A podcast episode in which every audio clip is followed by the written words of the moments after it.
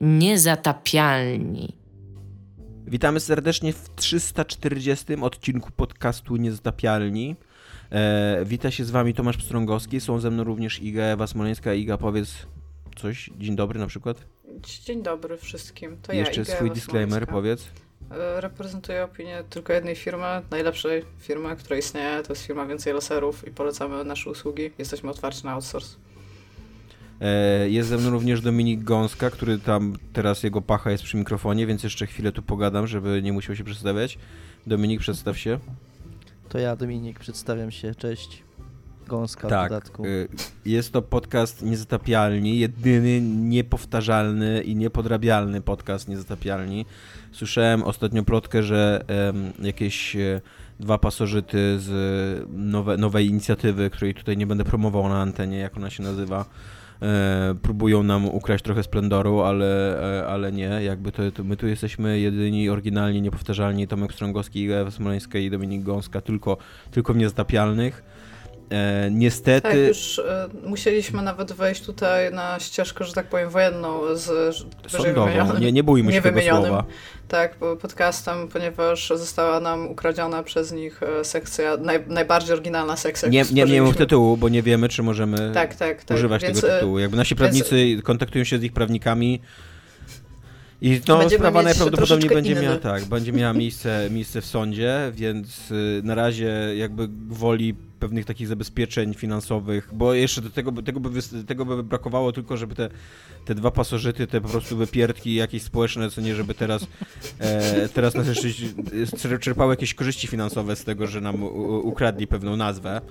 E, e, dzisiaj będziemy... Ale żeby oddać trochę sprawiedliwości, e, czytałam trochę recenzji, że to, to był bardzo dobry podcast. Tak, e, ludzie pisali komentarze, że są nawet e, ciekawi tego projektu. Co nie Dominik? Tak chyba było, nawet byli zadowoleni. Tak, y, wydaje mi się, że tak, ale kij im w oko, no. No. Ja, e, Złodzieje. ja się absolutnie z tym nie Znaczy, w zgadzam. sensie nie słuchaczom, tylko, tylko tym, znaczy, tylko tym y, podrabiaczom wstrętnym. Ja się absolutnie z tym nie zgadzam. Uważam, że nie zasługuje na e, słowa super uznania podcast, w którym rozmowa jest o Starship Troopers i nie mówi się, e, że jest to e, satyra na faszystowskie reżimy militarystyczne. Że, że, że to albo że, w którym rozmawia się o, o, o dziełach zebranych Dominika Gąski, klasyka polskiego dziennikarstwa growego i nie mówi się o jego legendarnej recenzji Bulletstorm, więc, e, więc dla mnie, e, pomimo, że przesłuchałem, to jednak pewne niedobory ma ten, ten program i uważam wciąż, że niezatapialni e, są, są, są lepsi e, i są fajniejsi. E, aczkolwiek tak, rośnie nam konkurencja, rośnie nam tutaj skorpion na e, klatce piersiowej, na sercu, czy gdzie tam ten skorpion może rosnąć. E, I trzeba uważać, no tak jak chyba mówię. nigdzie. Co? Tak anatomicznie to chyba nigdzie nie może rosnąć skorpion. No nie no, e, może, gdybyś czytała młodą... skorpiony. No ale anatomicznie skorpiony, chyba... gdzieś, gdzieś rosną. Ale nie może ci wyrosnąć skorpion, nie, nie możesz. Gdybyś czytała młodą polską literaturę, to byś wiedziała, że w sercu ludzkim Serce rosną skorpiony, skorpionów, tak, tak. że tam są, tam są jajka w ogóle skorpionów, one się wylęgają i tak dalej. tak. E, więc byś wiedziała coś na ten temat. I, na pewno jakby w konkurencyjnym podcaście e, z udawanym Dominikiem Gąską i udawaną Igorem Wosmolańską nie słyszeliście takich zoologicznych ciekawostek. Hmm. E, e, bo podejrzewam, że sekcja literacka jest tam gorzej reprezentowana niż u nas, a wiadomo, że jest naj, najsilniejszą jakby stroną naszego podcastu. E, e, tak, dzisiaj będziemy podsumowywali rok, e, ale także wy, nasi drodzy słuchacze, będziecie podsumowywali rok, ponieważ wzięliście udział w ankiecie. E, niestety muszę wam powiedzieć to, co słyszę od swojego taty co 2-3 tygodnie. Jestem wami rozczarowany, moi drodzy słuchacze, ponieważ rok temu było 418 głosów w ankiecie. 418 głosów. A To jest, to jest 4, 1 i 8. To jest dużo głosów jakby. To jest Mm. więcej niż 400 głosów. Mniej niż 500, Ale mniej niż ale więcej 420 niż 400. głosów. Ale więcej niż Prawie 410. 420. A 410 to jest dużo. Jakby, Tak. nie podwa- jakby niezaprzeczalnym faktem, że 410 to jest dużo. To prawda, ja się bardzo interesuję matematyką i chciałem tutaj podkreślić, że faktycznie oficjalnie Tak. duże liczby zaczynają się od 400, e, 10, więc wszystko co jest. No właśnie, tak, tak. Y, Dominik wklei do opisu YouTube o, o, tym, że 400 to dużo, E, bo na pewno jest jakaś taka. E, A w tym roku niestety ku, ku naszemu rozczarowaniu, a, a, a waszej... E, waszemu niedowożeniu tylko jest 320 odpowiedzi. E, To niedużo. To niedużo, tak. No, obiektywnie to niedużo, co nie? Tak po prostu. Jakby to, to jest znacznie mniej niż 330, co nie? A 330 to już jest w ogóle jakiś upokarzający wynik, nie wiem, więc... E, Wciąż dziękujemy ludziom, którzy wzięli udział w tym tak, wciąż wam dziękujemy. Y, Wydaje mi się, że może być jakimś powodem ta mniejsza liczba uczestników to, że bardzo dużo osób i na grupie naszej e, i również w odpowiedziach się przewija taka odpowiedź, y, że nie grały w nowości w tym roku. Jeżeli to jest prawda, to napiszcie nam dlaczego, czy, y, czy rzeczywiście tak się dzieje. Ja na przykład jestem człowiekiem, który nie grał w nowości w tym roku raczej. Moje, moje nominacje będą dosyć y, dzikie i słabe, że się tak wyrażę. Znaczy takie słabo emocjonalnie poparte przeze mnie, o tak. Będę dzisiaj jak ta trzcina na wietrze pomiędzy Igą i Dominikiem ym, przechylał się co, co jedną, co nie drugą złamiesz stronę. się, czy... Nie, nie złamię się, ale się nachylę. Okej. E, I, i, i, I będę takim głosem do przyciągnięcia raczej niż, e, niż silną, silnym, silnym głosem e, za, jakimś, za jakąś nominacją. Ale tak, dużo dostaliśmy odpowiedzi, że nie graliście w nowości w tym roku i wręcz też takich odpowiedzi, że zajrzałem na tą listę tam nominowanych do najlepszych gier, gdzie tam chyba z 25 gier wypisałem i że w nic, na przykład ten, ten, ten ktoś, kto to komentował, w nic z tego nie zagrał, co nie? Em, I trzeba przyznać, że przynajmniej ja mam takie odczucie, że to jest, że to był taki rok 7 na 10 dla Giereczkowa, dla premier, e, że nic wielkiego właśnie się nie wydarzyło w kategorii nowych gier, e, że to był taki e, jeszcze ten Bossman, mm, jak on ma na imię? Dominik, o właśnie Kyle Bossman. Nie, myślałem, że Dominik będzie wiedział, a nie Iga. On jest super adorable, na niego, na niego się... On bardzo ładne słowo ukuł, e, nie wiem czy to jest słowo, które istnieje i, i w języku angielskim, czy on je ukuł jakby na, na, na rzecz swojego programu, że to jest masterpiece-less e, rock. To ma e, rację, więc taki, taki rok jeszcze- pozbawiony arcydzieł, co nie? Nie dość, że pozbawiony w ogóle tam arcydzieł i jakichś takich e, bardzo, że tak powiem, odstających produkcji, to jeszcze wypełniony bardzo złymi wiadomościami po całej, w ogóle rozsianej po całej branży, więc w ogóle taki trochę rok na śmieci. Ten ostatni rok. Tak, ale jednocześnie chyba też jakby backlog y, mm, gier jest tak wielki, że też, nie wiem, ja na przykład y, nie czułem jakiegoś wielkiego żalu, że, że nie było więcej nowych premier, wielkich premier i tak dalej. E, I też wydaje mi się, że na przykład w kategorii indie przynajmniej kilka takich masterpiece'owych gier się ujawi, u, pojawiło, o czym pewnie jeszcze będziemy rozmawiać. Em, ale zaczniemy od naszego kącika, który został ukradziony. Iga tutaj wymyśliła nowy tytuł dla tego kącika. E, Iga, e, jak, jak się teraz nasz kącik będzie nazywał? Co Tymczasowo. ja byłem, miałem zagrane. Tak, Co mi, tak. co mi To jest, to jest moja propozycja, co ja byłem, miałem zagrane. Myślę, że w ten sposób unikniemy wszystkich problemów prawnych, a faktem, że jest niegramatycznie poprawny, tak, jest, jest nie- gramatycznie niepoprawny, to wydaje mi się też, że będzie oryginalny, że raczej nikt e, jakby wcześniej go nie wymyślił, więc nie, do, nie pójdziemy z jakimś innym podcastem do sądu w związku z tym, więc to jest moja propozycja. E, tak, twoja propozycja zostaje przyjęta. Co ja byłem, miałem zagrane. E, gdzie, e, gdzie w zagrane oczywiście gra Wielki Military. Jest wielkich, e, to, Tak. oczywiście, E, że tak. Tomaszu, Nawet kropki jest powinno prawo. mieć po sobie. Chciałem powiedzieć, że masz bardzo profesjonalne tło z książkami. Możesz Tak. udzielać Tak. wywiadów telewizyjnych. E, zmieniłem, zamieniłem się z Iwoną biurkami. Jakby ona teraz siedzi tak, że ma drzwi za plecami, a ja mam bibliotekę za plecami i czuję się 10 razy bardziej profesjonalny jakby. za każdym razem jak siadam do biurka. to Totalnie, myślę, totalnie możesz być okej. ekspertem w TVN. Tak. E, Ustawiłem sobie swój własny widok z kamery jako tło w, w ogóle, w, wiesz, w, To, to jest koniecznie. że...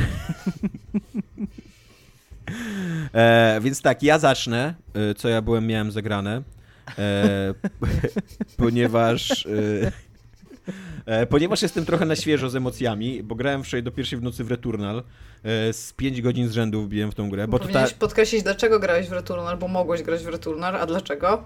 Dlaczego, Tomku? A dlaczego mogłem grać w Bo masz Returnal? PS5? Tak, mam PS5. Bo ci, tak. powinieneś to podkreślać, moim zdaniem. Będzie o tym warte. również przy podsumowaniu roku, więc spokojnie, jeszcze to Być- będzie masz, podkreślone. że- masz może PS5, ale nie miałeś Game Boya z dzieciaka. Może, tak, tak. A ty nie miałeś Amigi do Nie wszyscy, nie wszyscy, Dominik, nie wszyscy Dominik e, rodzą się w arystokratycznych rodach. Niektórzy muszą ciężką pracą dochodzić do, do pewnych rzeczy. Nie wszyscy, wiesz, tutaj dostają jako dzieci, kurde, y, high-tech. y, Tak, albo miłość tak. i uwagę. E, ale tak, tak. Mam PS5 i gram w Returnal. E, I w końcu wczoraj udało mi się zabić tego skurwysyna fi- Pirkę. E, czyli pierwszego bossa i ja, ja trochę mam takie pytanie, trochę, bo nie chcę mówić zbyt dużo o Returnal, bo uważam, że jeszcze zbyt dużo o tej grze nie wiem, bo dopiero pierwszy biom przeszedłem, ale wydaje mi się, że może być dużo ludzi, którzy są na takim etapie, na którym ja gram, bo właśnie chciałbym się zapytać, jak bardzo siecie, drodzy słuchacze nasi, nasi słuchaczki, w Returnal, ponieważ ja, mi zajęło 30 śmierci, zanim zabiłem tego Pirkę, tego matkojebcę cholernego, który tam rzuca w ciebie po prostu milionem kul e, śmierci i ma po prostu 16 e, atak patternów i e, no i strasznie, chyba z 10 razy jakby dochodziłem do niego i mnie masakrował i już bardzo, z, z pięć walk miałem takich, że już miał, bo on ma w ogóle trzy paski życia, co nie? Jakby. W ogóle przede wszystkim uważam, że to jest nielegalne. Każdy jakby. dobrze szanujący się taki boss ma przynajmniej dwa paski No życia. On chciał być lepszy, więc daj mu jeszcze jeden. Ja ale uważam, że to jest nielegalne. Ja design. uważam, że to jest nielegalne, że już drugi pasek życia to jest wykroczenie, a trzeci pasek życia to już jest przestępstwo. To już powi- powinno FBI już wpadać w ogóle. Co Wie-? Do więzienia. Tak. To jest nasza nowa sekcja, która będzie do więzienia. To jest E. coś, co bardzo fajnie robi It Takes Two, w które teraz gramy z Tomkiem, że tam jak boss ma kilka z faz, to widać to na jego pasku życia. Ma pasek życia na przykład podzielony na trzy segmenty, ale widzisz to z góry, że on jest podzielony na trzy segmenty, a nie, że jest jeden, się kończy, a potem pojawia się drugi. Dla sprawiedliwości dodam, że jakby w Returnal też widzisz, że on ma trzy paski życia. Jakby ma jeden duży pasek życia, który schodzi, ale na górze masz takie trzy zasugerowane, zas- jakby Aha, no informację masz takie- wysłaną, że to Ale to nie jest jest takie pierwszy zupełnie pasek bez życia, sensu te, z drugiej strony. To czemu tego nie zamknęli w jednym pasku życia? Wydaje mi się, że po to, żebyś miał e, lepszy On- feel postępu, jakby nawalania do niego, żeby mu więcej energii schodziło, że to by było bardzo deprymujące, gdyby mu tak mało schodziło, jakby wiesz, jakbyś miała ten pasek Mhm. na trzy części podzielony. Ale on zmienia, po, na przykład po pierwszym pasku życia on wchodzi w inną fazę, czy to jest to samo, a jakby leci inny pasek życia? E, to jest to samo, tylko więcej i czasem dochodzi, znaczy no wiesz, czasem, ja to mogę mówić czasem, bo ja dopiero pierwszego bossa pokazałem, Mhm. pognałem, ale dochodzą mu ym, nawet nie nowe ataki, ale takie wariacje na temat tych ataków, które miał do tej pory. No to nie? to może, to wtedy ma trochę sens, że to jest podzielone, ale wciąż nie, nie jestem fanką takich rozwiązań. Ym, tak. No ale więc tak, więc y, gra mi się na, na razie super, naprawdę autentycznie się wciągnąłem. To ma super taki film jeszcze jednej gry, bo nawet strzelanie pistoletem, w ogóle strzelanie tam jest rewelacyjnie zrobione w tej grze. Ona ma strasznie dużo systemów, ale wszystkie ze sobą kurde super klikają e, i wygląda przecudnie na tym PS5 i na moim nowym telewizorze 55-calowym. E, I tam działa w jakimś milionie klatek na sekundę. Wrażenie takiej płynności jest super płynne. E, ale o tym będzie, będę, będę jeszcze mówił, a teraz autentycznie tego chciałem was zostawić z pytaniem, żebyście mi powiedzieli, jakby czy ja bardzo ssę, czy ja tylko trochę ssę, jaki jestem jakby w departamencie ssania, co nie? Na, na, na jakim stanowisku jestem? Czy jestem jakimś sekretarzem stanu, czy jestem zwykłym kancelistą, czy może gdzieś tam... Bo na przykład jak, jak wchodzisz na Reddita, to Tam mi ci się mówią- wydaje, że możesz pracować w księgowości z Sania. na tak, przykład, tak, właśnie. No bo no, na przykład chodzisz na Reddita i tam ci mówią, wiesz, że tam przeszedłem kurde Returnala w ośmiu ranach, całego, co nie, całą grę, co nie? Ja sobie myślę, okej, to, jest, to jest tam wicepremier kurde ssania, co nie? Literalnie. Jakby... A nie, to czekaj, ja myślałam, że im jesteś wyżej, Właśnie tym nie, bardziej no. No właśnie, też tak A nie, myślałem. nie, no to mi się wydaje, że jakby tym, tym, tym mniej ssasz, no. Jakby tym masz No mniej nie. fiutów nad sobą do ssania, co nie? Nie, to mi się wydaje, że właśnie jak nie jesteś tam w ogóle, to to znaczy, że nie ssiesz i wtedy tam robisz na przykład returnala w dwa rany. Jakby Czy może e, nie nawet? po to się zatrudniasz e, w ministerstwie ssania, żeby ssać, tylko żeby tobie ssano.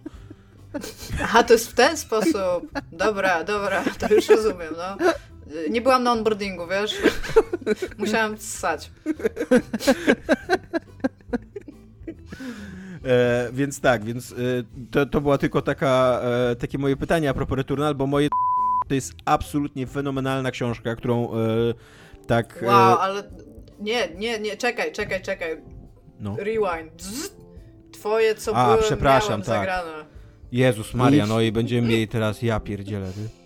Już dzwoni do mnie tutaj e, pan Zepsułem to, no. Ludwik. Totalnie nas, totalnie nas doje, dojedzie Ludwik. E, tak, co, e, e, co było, be- jak to było Iga? Za, za zbyt skomplikowaną tu nazwę jednak. Co byłem, miałem zagrane. Co byłem, miałem zagrane moje. E, to jest absolutnie fenomenalna książka, którą bardzo polecam od razu z miejsca. Jeżeli wierzycie w jakieś moje rekomendacje, to w tym momencie wchodźcie w ogóle na jakieś tam biblioteki, księgarnie i wypożyczajcie albo kupujcie tą grę, tą książkę. To jest Tysiąc jesieni Jakoba de Zut. Em, czyli y, powieść Davida Michela z 2010 Myślałam, że roku. brzmi jak moje porno name. Okej. Dawid Zut? No nieważne. Okej, e, okej. To jest po prostu holenderskie nazwisko. Nie, to jest dźwięk otwieranego rozporka, ale tak, być może też. E, jest to książka, która była nominowana na krótkiej liście, była do nagrody Bookera. Iga, twoja, twój żart o nagrodzie Bookera? Tak, tego Bookera z y, Bioshock. Infinite, Nie, nie bo tego. też dostaję książkę w ryj na samym początku. Dziękuję. Zawsze śmieszne. Będę tu całą noc. Tak, więc y, była to książka nominowana do nagrody Bookera, a ja z Dawidem Michelem miałem tak, że zawsze chciałem coś jego przeczytać. E, I Atlas Chmur chciałem jego przeczytać, i Sen numer 9, i, ym, i coś tam jeszcze jego. Sla- Slaughterhouse czy Slashhouse. Nie pamiętam, jak, jaki tytuł ma ta książka. E, ale jakby zawsze mi tam gdzieś jakoś coś mi wypadało, że nie mogłem jej przeczytać, że, że jakby nie, nie czytałem. A to jest podobno wybitny, świetny autor. I w końcu jakby kupiłem to e, za 10 zł, to te tysiące sieni. I, I potwierdzam, to jest wybitny autor, czytało się rewelacyjnie, bardzo dobra książka, bardzo zajebista, kupujcie i, i, i czytajcie. Jest to powieść y, historyczna łamana na fikcyjna, bo bardzo silnie osadzona w historycznych realiach, ale jednocześnie opowiadająca fikcyjną historię i z takimi delikatnymi wątkami fantazy, czasami, miejscami, jakby taki, nawet nie fantazy, ale jakoś takiej niesamowitości, co nie? I- Realizm magiczny? Nie, nie nazwałbym Nie. tego tak. Nie, nie, nie. Bo realizm magiczny to jest jednak jakiś taki cały sposób postrzegania świata przedstawionego, co nie? Tutaj są takie Mhm. elementy jakby właśnie fantazy, coś takiego, co nie? E, e, to jest książka przede wszystkim o rewelacyjnym settingu. Ona się dzieje w 1799 roku na, e, u wybrzeży Nagasaki, na takiej faktorii handlowej, która się nazywa Dejima e, i która była jedynym oknem na świat Japończyków w, momen- w czasach shogunatu, w czasach tego największego zamknięcia Japonii na świat. Mm, Ta Dejima na, na początku należała do Portugalczyków, a w momencie, kiedy Portugalczycy się z niej wycofali, to wkroczyła tam holenderska kampania handlowa, han, e, s, wscho, wschodnie, holenderska kompania wschodnioindyjska, o tak dokładnie. Czyli, że ta, e, takie wielkie korpo handlowe właśnie z, z, z tamtych czasów, e, ale nie brytyjskie, tylko holenderskie. E, Notabene to holenderska kom, kompania wschodnioindyjska to była, tak się uważa, do dzisiaj najbogatsza korporacja w historii. Jakby oczywiście tam infl- inflację biorąc pod uwagę i tak Mhm. dalej, co nie? E, i, i, I my jesteśmy w momencie, jak właśnie jak ta holenderska kompania wschodnioindyjska już jest na skraju upadku, to już są ostatnie jej takie lata dychania e, i, i przyje, przypływa ja, Jakob de Zoet do, do tej Dejimy i tam ma Zut? E, I tam ma być, e, i tam ma rozliczyć jakby było, by, by, były mm, zespół, który pracował. No bo oni są wszyscy, zespół. Wiemy, co to znaczy. nie ma to jak rozmawianie o literaturze. Mamy 12 lat w sercu, zawsze tak było Tomek. Nie wiem, czego się spodziewałeś. Perły przed wieprze po prostu, no. E, I bo jakby y, ten, ta załoga, która do tej pory mm, stacjonowała na Dejimie jest oskarżana o korupcję i tam przyjeżdżają nowe porządki właśnie, żeby, żeby, żeby znowu zacząć zarabiać na, na, na handlu z Japończykami. E, Jednocześnie jest to bardzo książka o ginekologii na przykład XIX-wiecznej, XVIII-XIX-wiecznej, e, bo jednym z głównych bohaterów jest, e, jest lekarz na tej Dejimie i, mm, i jego uczennica y, taka japońska e, położna, tak? Kobieta, która odbiera porody, to położna, tak dobrze mówię. Mhm. Orito Aibagawa, em, która właśnie też jakby Japończycy to, co najbardziej, z czego najbardziej korzystali z, na tym handlu, to przede wszystkim był nie rzeczy, a know-how taki, co nie? Czyli, że właśnie edukacja europejska, osiągnięcie naukowe i im przede wszystkim na tym zależało i właśnie na nowoczesnej No, trzeba medycynie. pamiętać, że Japończycy bardzo późno nauczyli się, w sensie alfabet, który mają, został im narzucony przez Chińczyków jakby bardzo późno zaczęli w ogóle gromadzić całą tę wiedzę, którą Tak. posiadają, więc ona, jakby rozwój edukacji tam był bardzo, bardzo wolny i oni dopiero tak eksplodowali w, na końcu XIX i początku Tak, no i właśnie i, i, i to, że oni się od Holendrów uczą tych jakby podstaw takich y, racjonalnej medycyny, a nie jakiejś takiej ludowej Mhm. medycyny i magicznej medycyny, no to tam jest super, super ważne dla nich i, i to jest super cenne i super istotne. E, I sytuacja wygląda na, tak, że ten e, Jakob e, się zakochuje w Orito e, i to jest trochę taki orientalna, orientalna fascynacja, co nie? I to, co trzeba bardzo fajnie podkreślić w tej książce, że on bardzo uczciwie, ta książka bardzo uczciwie traktuje jakby taką pozycję, z jakiej e, Jakob się zakochuje w Orito, jakby niemożliwość tego związku, e, płytkość tego uczucia, jakiejś takiej fascynacji i tak dalej. To nie jest w ogóle książka o jakiejś takiej właśnie orientalnej miłości, że tam pojechałem do obcych krajów i spotkałem kobietę jak kwiat lotosu i tak dalej, i tak Mm. dalej. Nie? Tylko jest taka bardzo uczciwa społecznie wobec, wobec tego związku, wobec, tej, wobec relacji i tak dalej. E, I, I tak, i ona jest podzielona na pięć części, z czego piątą to można odpuścić, bo to jest takie zwykłe mm, postscriptum. I tak, pierwsza część to totalnie opisuje, to jest Iga coś, co wydaje mi się, że tobie się super spodoba. Totalnie To opisuje jest taką- metodologia. Nie, taką, ale opisuje taką codzienność tej Dejimy. Te, no, trochę jest metodologia. Tak, na czym polegał handel z Japończykami? Jak on wyglądał tak logistycznie? Jak, usta, y, jak wyglądała na przykład y, taka drabinka zarządzania tą Dejimą, nie tym, tą kolenderską kompanią wschodnioindyjską? Jak wyglądały zależności polityczne wtedy w Europie? Bo to jest też ważny moment w historii e, Niderlandów, kiedy te, te poprzednie państwo y, ni- niderlandzkie, czyli że Republika Zjednoczonych Prowincji się została podbita przez Napoleona i nastało coś takiego jak Republika Batawska. E, I to była taka, taki krótki twór, jakby taka, taki, taka zależne terytorium de facto od y, Francji napoleońskiej, co nie? Ale jakby oni byli takimi rewolucjonistami, demokratami trochę, jakby uważali, że są, że są lepsi niż, y, niż monarchiści, więc to też jest super ciekawe, tylko tu z kolei jest to dosyć skomplikowane, bo to się nazywa Re- Republika Batawska, więc w skrócie się na nią mówi Batawia, ale jednocześnie w skrócie się mówi na Dżakartę Batawia, a Dżakarta, y, czyli ta Batawia to jest y, tam główny taki ośrodek handlu y, na Dalekim Wschodzie, co nie? Dla, dla tych bohaterów, więc czasem nie do końca wiesz, o której Batawie oni mówią, co, nie? E, co, co jest dosyć skomplikowane, ale tak, ale to jest taki, taki bardzo... Mm, no, to nie, nie jest złe słowo, taki metodologiczny rozdział, co nie?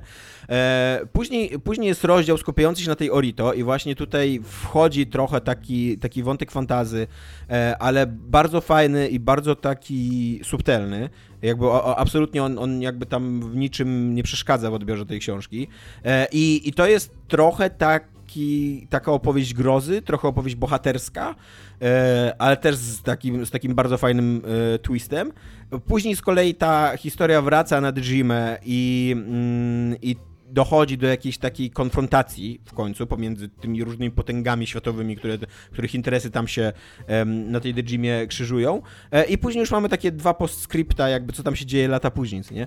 I naprawdę, kurde, to jak ta książka jest skonstruowana, jak tam skacze narracja, jak, e, jak ona jest napisana, ona jest bardzo często napisana w takiej, w takiej manierze, która mi trochę przypomina e, haiku. Nie pod względem tego, że, e, że to jest jakaś super poetycka książka, ale pod względem takiego skupienia nad taką ulotnością zjawisk. Nie? Bardzo często są takie dialogi, gdzie linie dialogowe są przerywane takimi zupełnie mm, nieistotnymi, wydawałoby się, spojrzeniami na naturę dookoła, na jakiegoś motyla, który wylądował, na jakąś kroplę deszczu, która spadła i tak dalej. To, to super nadaje po pierwsze głębię, a po drugie rytm tym dialogom.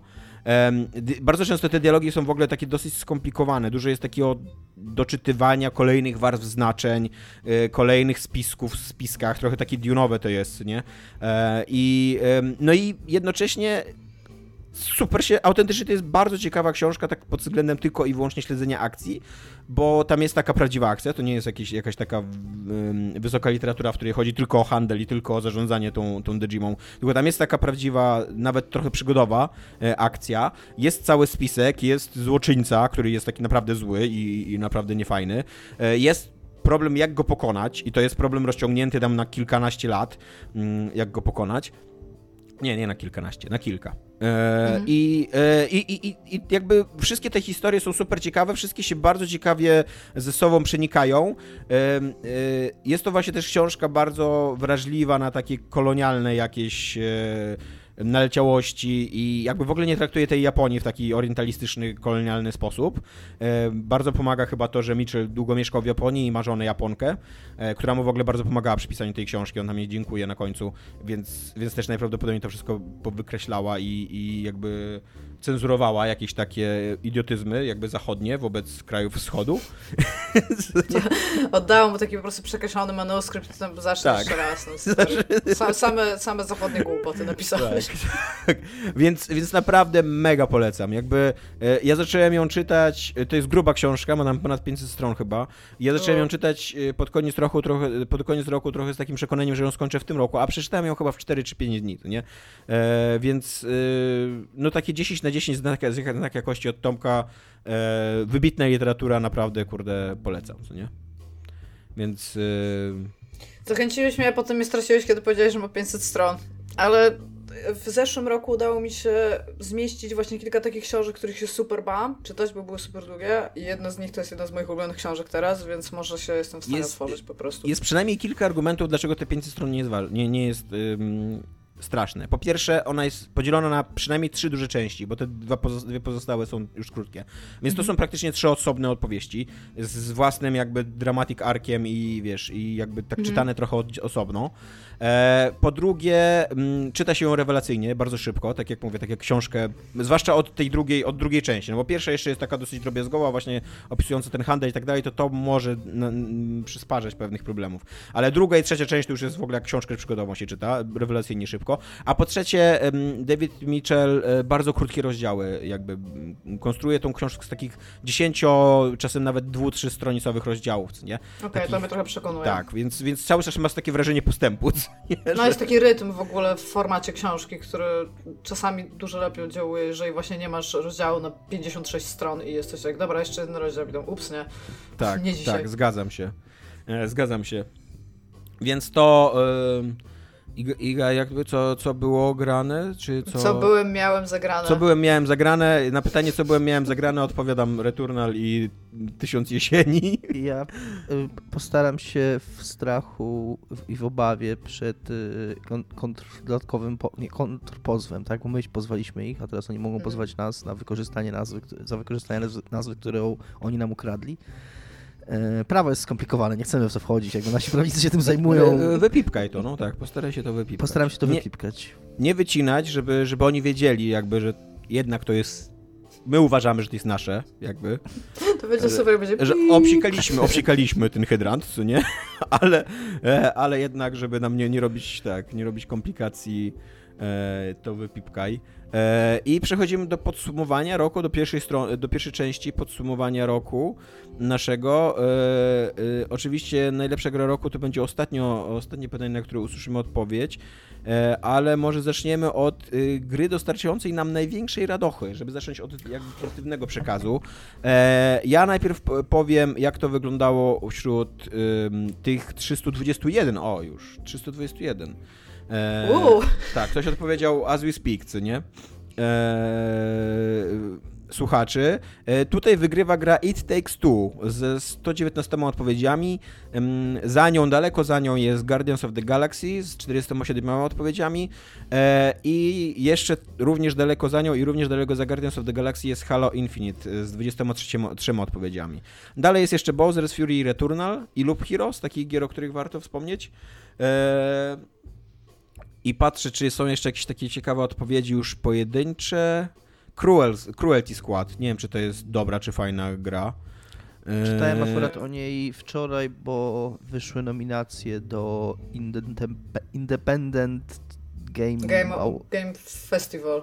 do, tak, dokładnie. I, Awards, okej, o, no. Tak, dokładnie. Independent Game Fest. I ta gra jest jedną z nominowanych w kategorii gry roku, więc chyba jest to coś dobrego. To jest jakaś taka. Nie wiem, ja, jakiś ja taki uważam, retro FPS, jakiś taki retro FPS dziejący się w świecie ścieków? okej. Boomer Shooter. Jest chyba- również nie wiem. odpowiedź, najwięcej uśmiałem się przy Cyberpunku 2077, ale nie wiem, czy to o to twórcom chodziło. Jakby śmiech to zdrowie, radość jest radością. Na pewno twórcom zależało, żebyś się dobrze bawił. Skoro się dobrze bawiłeś, to super. Ja bym chciała powiedzieć, że w ogóle It Takes Two jako nominacja jest e, moim zdaniem bardzo solidną i bezpieczną nominacją. Jakby trudno powiedzieć, e, jeżeli jest gra, w która wszy, wszystkie problemy rzuciła pieniędzmi i jest wydawana przez Electronic Arts i to nie jest evil gra, to jakby jestem all aboard i bardzo, bardzo się cieszę, że gracze ją docenili, ale ona też dostała nagrodę roku na oficjalnych nagrodach roku, jakby to jest Game of the Year material. Ona powstawała jako Game of the Year i po prostu tak powstała. To jaka jest twoja Super. nominacja do naj, najbardziej Moja fan nominacja- roku gry? E, to jest. E, a to jeszcze będziemy poddawać dyskusję. E, ja mam ze swojej strony Inscription, który udało mi się tak trochę rzutem na taśmę na koniec roku e, skończyć, którą to bardzo serdecznie polecałam Dominikowi i a również e, mówiłam, żeby słuchacze zwrócili na nią uwagę. A jest to bardzo innowacyjna, bardzo zaangażowana w taką wizję artystyczną, że tak powiem, gra, która u podstaw ma dosyć solid karciankę, ale korzysta z niej trzy, na trzy różne sposoby, jakby korzysta z tej karcianki podczas rozgrywki. E, I przy okazji e, jakby stawia przed graczem dużo zagadek logicznych, które trzeba rozkminić systemem tej karcianki. No i jakby jak zawsze łamie czwartą ścianę i jakby robi, robi dużo rzeczy jakby dookoła samego, samej rozgrywki w tą karciankę, co uważam za super i jakby chciałabym tutaj docenić fakt, że innowacyjność zawsze jest ok.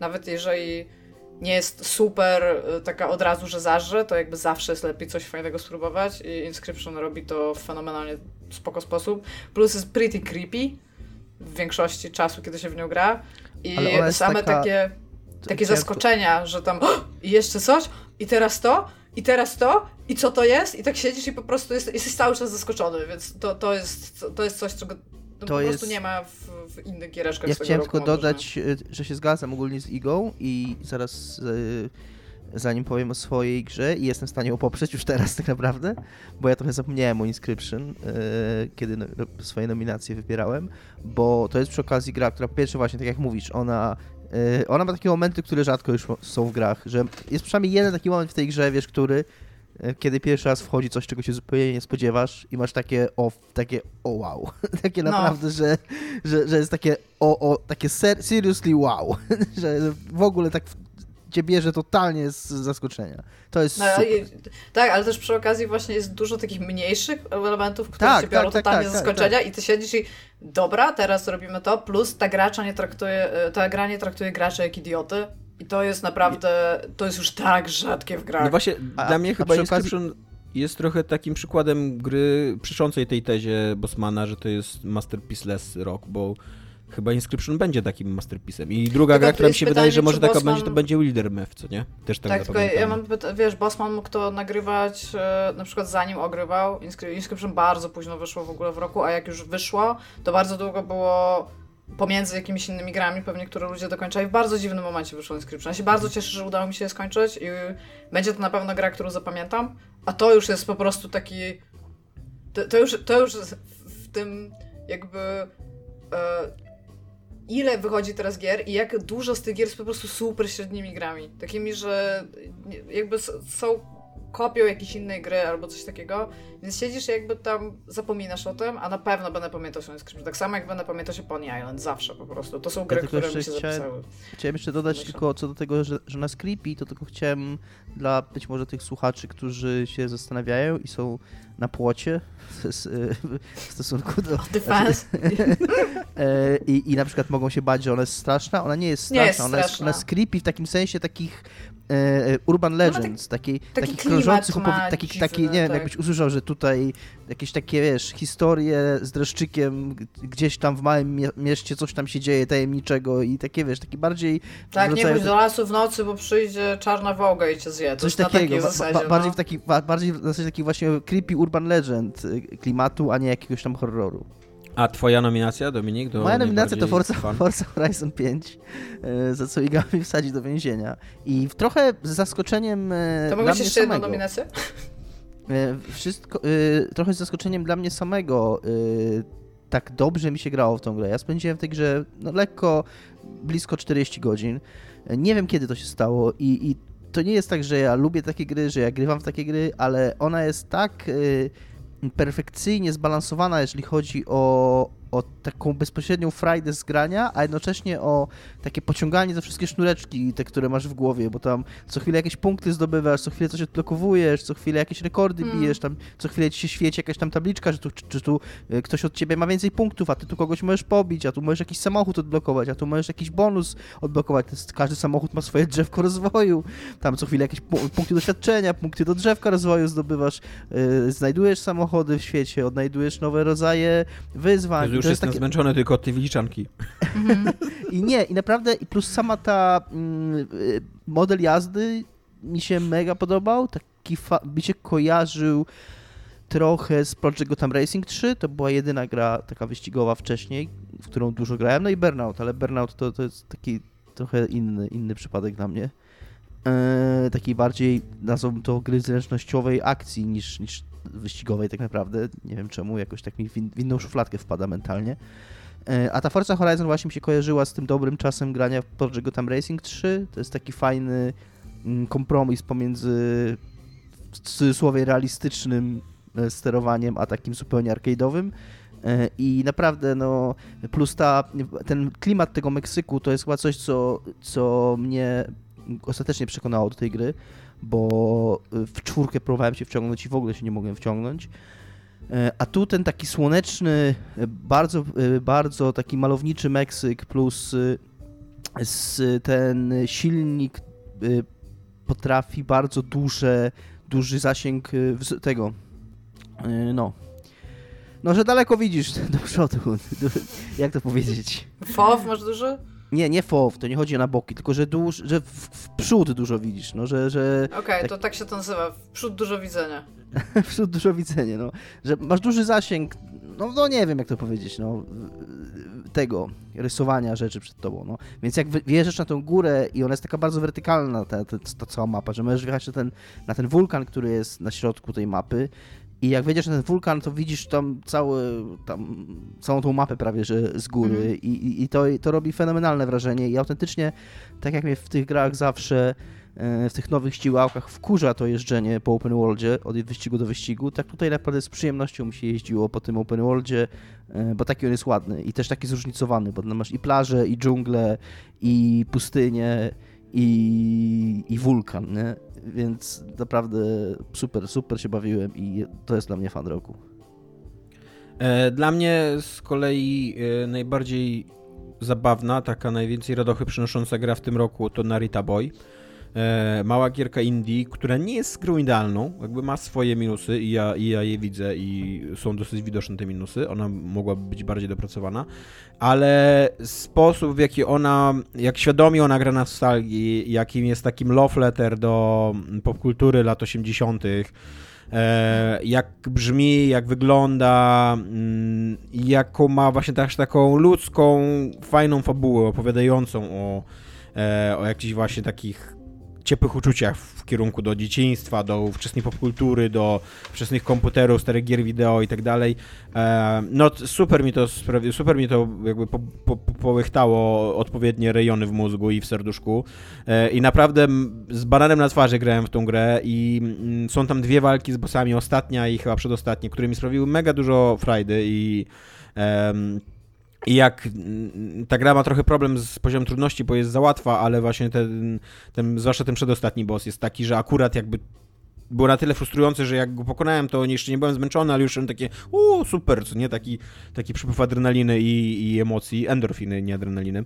E, i, I tak, i dla mnie, dla mnie Narita Boy to jest taka, taka gra, którą chciałbym nominować, ale chciałbym ją tylko nominować, dlatego że chciałbym nominować, bo jeżeli mamy y, głosować, to oddaję tutaj swój łuk, miecz i, i, i hełm, i tarczę, i idę, i inscription.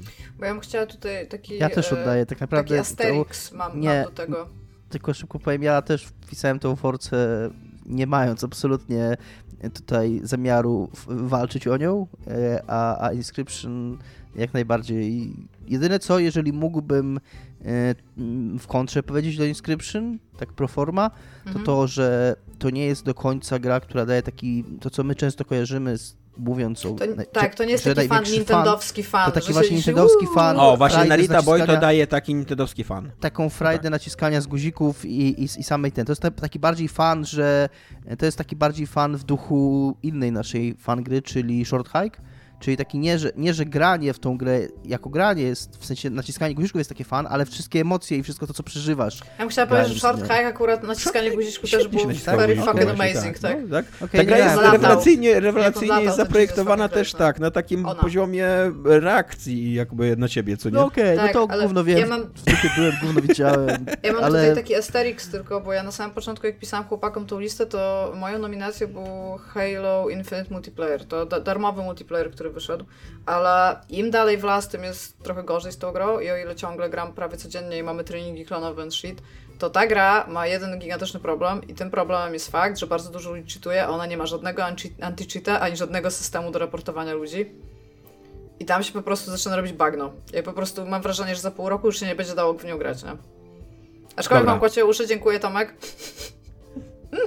Ludzie mnie nienawidzą.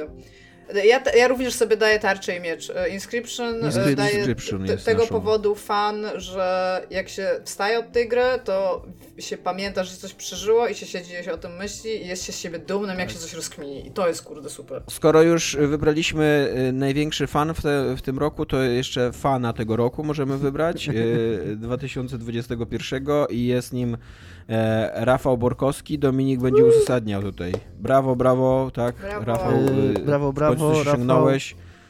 E, Yy, Dominik, uzasadnij.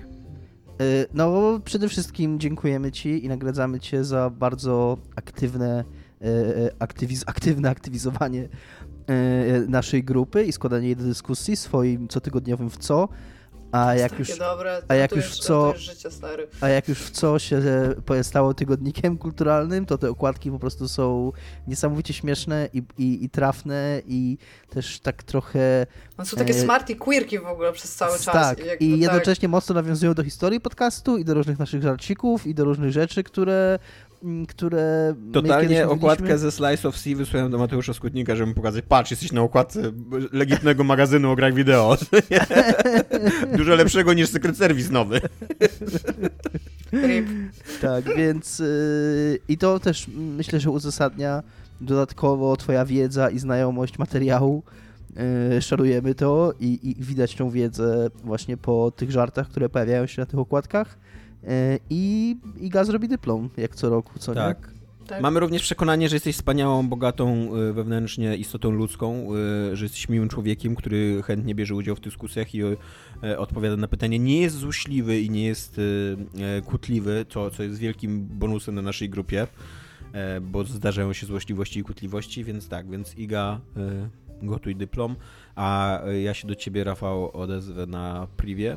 Wyślę ci swoje nagie zdjęcia, ale także pytanie o adres. Pomiędzy tymi zdjęciami, żebyś musiał je zobaczyć, żeby, żeby Tak, tak. pytanie. A pytanie o adres wyślę po to, żeby ci swoje VHS-y nagie też wysłać.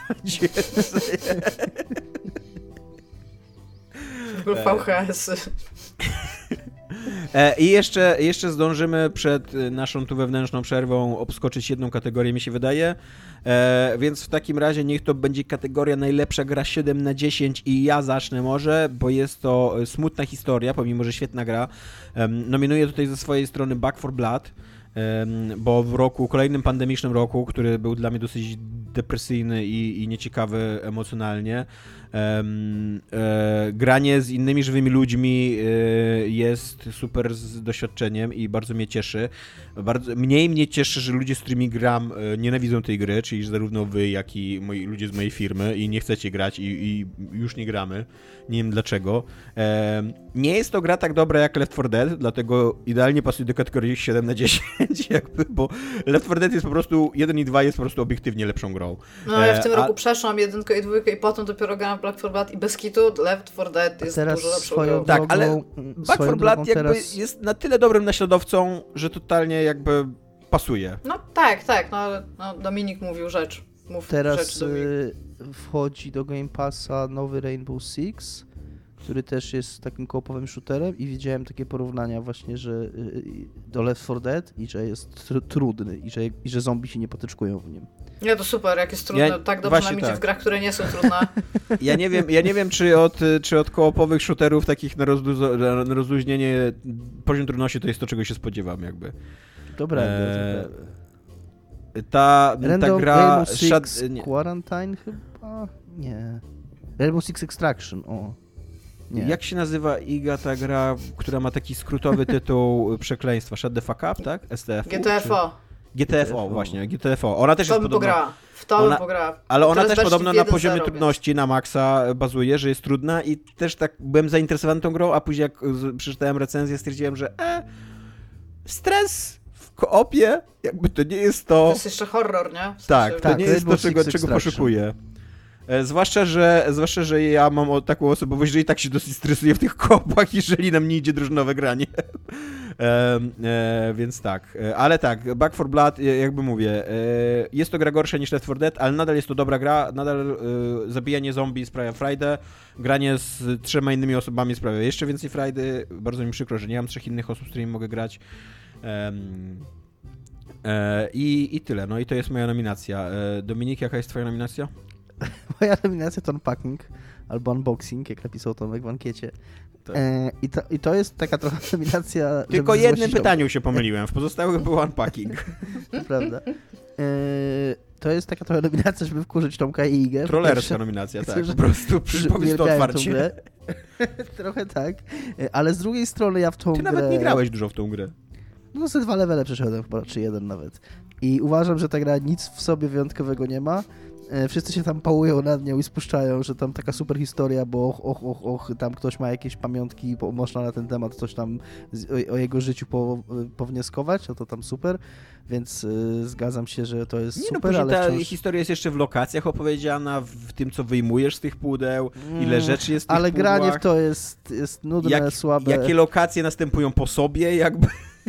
Narracyjnie to jest bardzo y, Mhm. sprytna Ale- gra, o tak. bym Tak, być może narracyjnie tak, natomiast jako gra jest nudna i tam jakieś układanie rzeczy y, w ogóle nie daje frajdy, w związku z tym Ale satysfakcję daje, to jest ważne.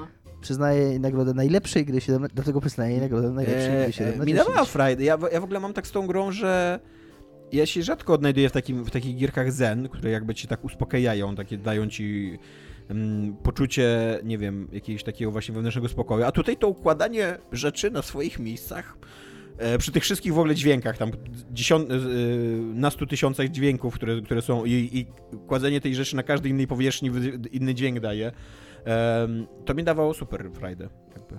Iga, twoje 7 na 10? Wiadomo, że Dominika przegra? The Medium. A uważam, że to jest w ogóle gra, o której pewnie wszyscy już zapomnieliśmy, że ona wyszła w tym roku, bo wyszła bardzo wcześnie w roku. A to jest gra, która bardzo mnie przekonała w ogóle do faktu, żeby zainwestować więcej w Game Passa, żeby, żeby po prostu ją mieć i pograć.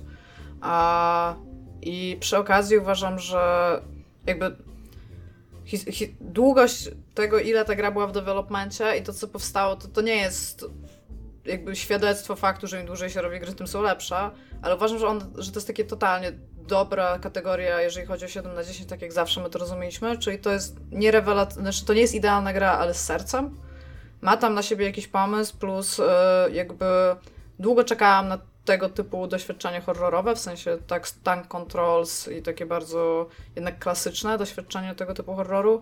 I tam okej, jakby wciąż te walki, systemy skradania i wszystko tam bardzo nie działa, ale te takie momenty eksploracyjne, na, nawet te dwa światy, e, które tam są renderowane, to jakby to wszystko działa. I mam wrażenie w ogóle, że ona była też dosyć ciepło odebrana przez nas w momencie, jak w nią graliśmy, że taka była raczej okej. E, I okej, być może tam te zakończenia fabularne i wszystko też nie są najlepsze, ale dlatego właśnie mówię, najlepsze 7 na 10 to jest medium. E, zanim jeszcze my zagłosujemy, to powiem jak głosowali słuchacze. E, słuchacze zgodzili się z Igą. E, 322 słuchaczy, ponieważ jeszcze jeden słuchacz, as speak, zagłosował, albo słuchaczka. E, e, zagłosowali na Dimi, e, The Medium, e, 62 e, głosy, e, 54 na Guardians of the Galaxy i 49 na Deathloop.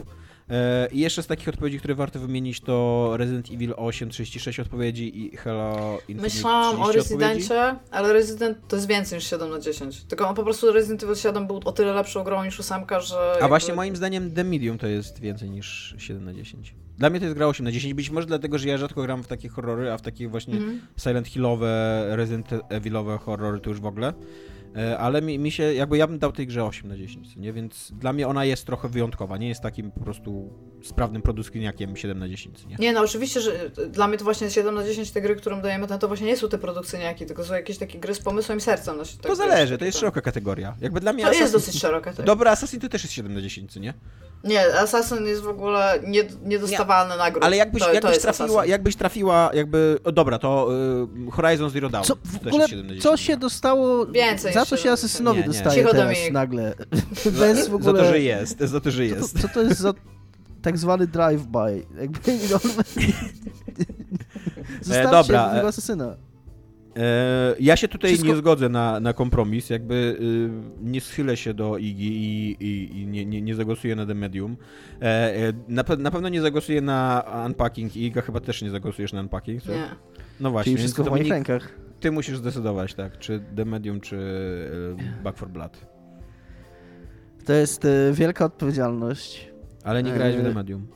Grałem w medium. A Nie kurde. No właśnie wszyscy graliśmy. Zapomniałem, ja No i zapomniałem. właśnie mówię, że to też jest taka gra... Back for Blood też wszyscy graliśmy. bardzo, bardzo dawno wyszła, nie? W sensie też medium, bo to też te gry, które wychodzą tam Wydaje mi się... styczeń, luty i koniec grudnia, to one tak w ogóle się...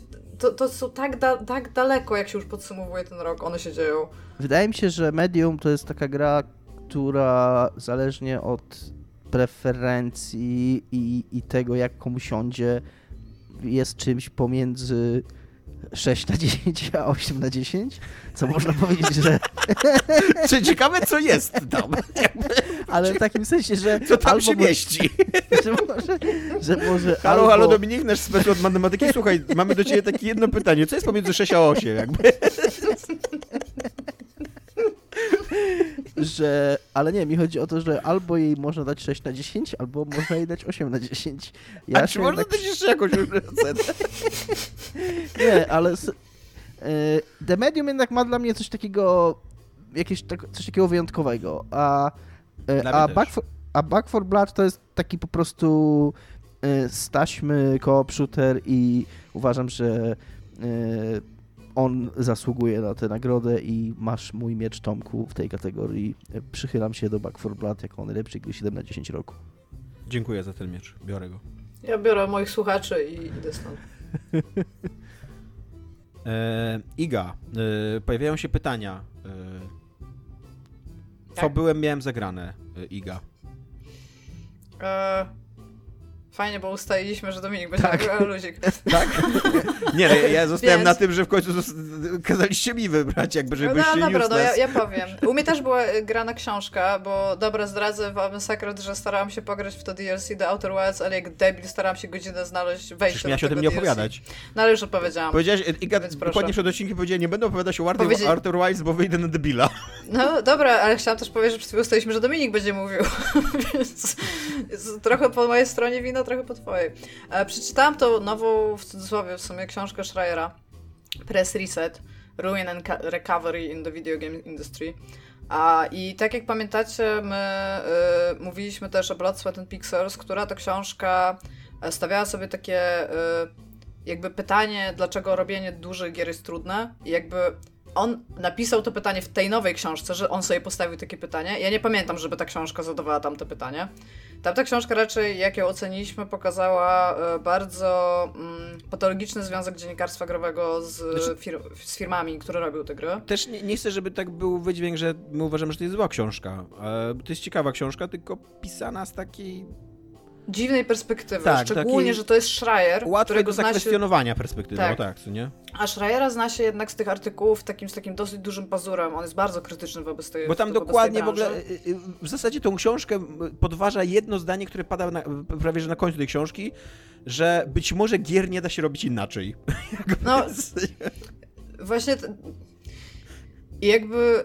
Ja bym nawet. Ja bym, jeżeli to nie byłby Schreier i to byłby jakiś inny autor, ja bym przeczytała tą książkę, to ja bym nawet może ją bardziej polecała, ale dosłownie każdy artykuł Schreier jest lepszy niż cokolwiek, co on napisał w tamtej książce. A jak teraz teraz on- książka? No i właśnie, i on teraz zadaje sobie inne pytanie, czyli jakby.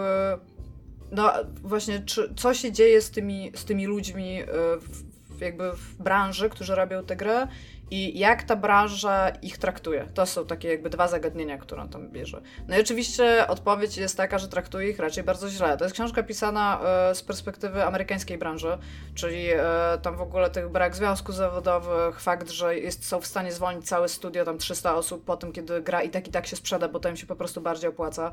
Więc on bierze tam e, na warsztat właściwie to mało firm, bo on tam bierze Viscerala, bierze Irrational Studios, które zostało zamknięte po tym, kiedy Ken Levine po prostu sobie poszedł. I bierze tych e, ludzi i jakby śledzi ich losy po tym, kiedy te studia zostały zamknięte. Bierze też pod uwagę fakt, że na przykład bardzo wielu ludzi, którzy pracowali w Irrational, też zostali zwolnieni z dwóch poprzednich firm, dlatego że wydali grę i ona się sprzedała. Więc jakby ta gra, znaczy ta książka trochę tak dookoła własnego ogona krąży, bo to, te wszystkie historie są ciekawe, ale one są wszystkie takie same. Jakby jedyna jakby konkluzja, która jest, jest taka, że możesz pójść do innej firmy i znowu nie wiedzieć, czy będziesz e, bezpieczny w tym, co robisz, czy idziesz full indie, co również nie jest bezpieczne. Iga, czy to jest książka w ogóle o grach, czy tylko i wyłącznie o robieniu gier? E, to jest książka o robieniu gier. W sensie on tam mówi o takich procesach, które Bo piksele mają... były trochę o grach, co nie? Jakby tam... No tak, tylko że one, bo one właśnie one robiły troszeczkę coś innego. Ja nie wiem, bo to jest jedna z książek, e, jakby, która uważam, że to jest bardzo potrzebne, że ona powstała tak historycznie, żeby ktoś podsumował rzeczywiście, jak źle jest prowadzony bardzo często, bez, myśli żadnej, o człowieku i pracowniku, tak? Jak to się tam dzieje. I te właśnie jakieś takie ciągłe spotkania, że wszystko jest going according to plan, gry wychodzą, gry są dokładnie takie, jak, jak miały być, po czym wiesz, proszą cię na spotkanie całej firmy, takie all hands meeting i po prostu dowiadujesz się, że właśnie cię zwolnili. Po prostu bierzesz, sw- niektórzy w ogóle nawet nie mogą zabrać swoich rzeczy z firmy, w sensie po prostu są wyprowadzani. I jak się to czyta, to jakby tak, tak to wygląda, to jest bardzo, bardzo źle, coś trzeba z tym zmienić, bo ten model nie jest po prostu w jakikolwiek sposób e, sustainable, ale jakby Schreier, tak jak mówisz, e, jakby on wychodzi z założenia, że musi być inaczej, w sensie musi być inna droga, natomiast on nie podaje żadnych jakby pozytywnych przykładów, tak? On nie poszedł na przykład do Super Giant Games, No właśnie. który jest znany tak ogólnie rynkowo z faktu, że tam się pracuje super i mają małą rotację, nie? Albo do tych Więc- ludzi, którzy zrobili Dead Cells, tam też podobno jest jakaś taka w ogóle... No tak, tak, tak, ale właśnie widzisz, i tam on się skupił na tych bardzo dużych firmach i naprawdę tym ruin and recovery, tak? Czyli e, z tym, że ludzie tam na przykład częściowo odchodzili z branży gier, ale szybko wracali, bo się okazało, że to jest jednak to, jak chcieli pracować i co chcieli robić. Piszą o ludziach, którzy się przeprowadzają e, tam z jednego, z, z jednego stanu zjednoczonego do na przykład jakiegoś innego, z jednego stanu Stanów Zjednoczonych do innego stanu, na przykład po drugiej stronie w ogóle e, tam państwa, gdzie e, tam rodziny są rozdzielane. No, Naprawdę takie no smutne rzeczy ogólnie, o których tam pisze, na które też się trochę znieczulasz, jak czytasz całą tą książkę, bo po prostu o wszystko, wszystko tak tam wygląda. A jeżeli on nie daje żadnych pozytywnych przykładów, to też masz takie wrażenie, jakby, że on cię zostawia tak trochę z niczym na sam koniec. On ci po prostu pokazuje, jest bardzo źle, ale są próby uzwiązkawiania. Jest bardzo źle, ale ludzie zaczynają wygrywać te tam jakieś legal battles z tymi firmami, tak? Więc to jest takie, być może będzie dobrze, ale on w ogóle pomija fakt, że są firmy, które robią gry i one są sustainable, że w ogóle nie, nie bierze nawet pod uwagę faktu, że nie wiem, w Europie są firmy, które jakby mają tych samych pracowników przez 25 lat i nie ma, u- nie ma u nas takich historii zwolnień całych studiów tak często, jak to się dzieje w Stanach Zjednoczonych, tak? Więc jakby mam wrażenie, że jest trochę mało researchu w tej książce, natomiast jest to dużo lepsza książka niż Blood, Sweat Mam dwa pytania. Czy, mm, czy jest to książka, która w ogóle porusza y, temat indie giereczek, czy tylko AAA? E, Jeżeli ci ludzie, których on śledził e, w trakcie e, tego, co robili na przykład po zwolnieniu, założyli studio indie, to tak, jest. I na przykład jest e, to, o Jezu, jak oni się nazywają, ci, co wydali Where the Water Tastes, tastes Like Wine a i... Nie, The Flame and the Flood oni chyba wydali. W każdym razie e, Mol- Molasses? Molasses Train? Coś takiego? E, to na przykład śledzą historię tego studia, śledzą historię takich bardzo independent twórców, którzy po prostu zaczęli robić swoje gry. The Molasses A- Flood. O, no Molasses Fruit, no. A, więc na przykład o nich jest dosyć dużo, ale to są takie... Mm, jak to czytasz, to tam jest procentowo jakieś 30% albo 40% tej książki to jest irrational.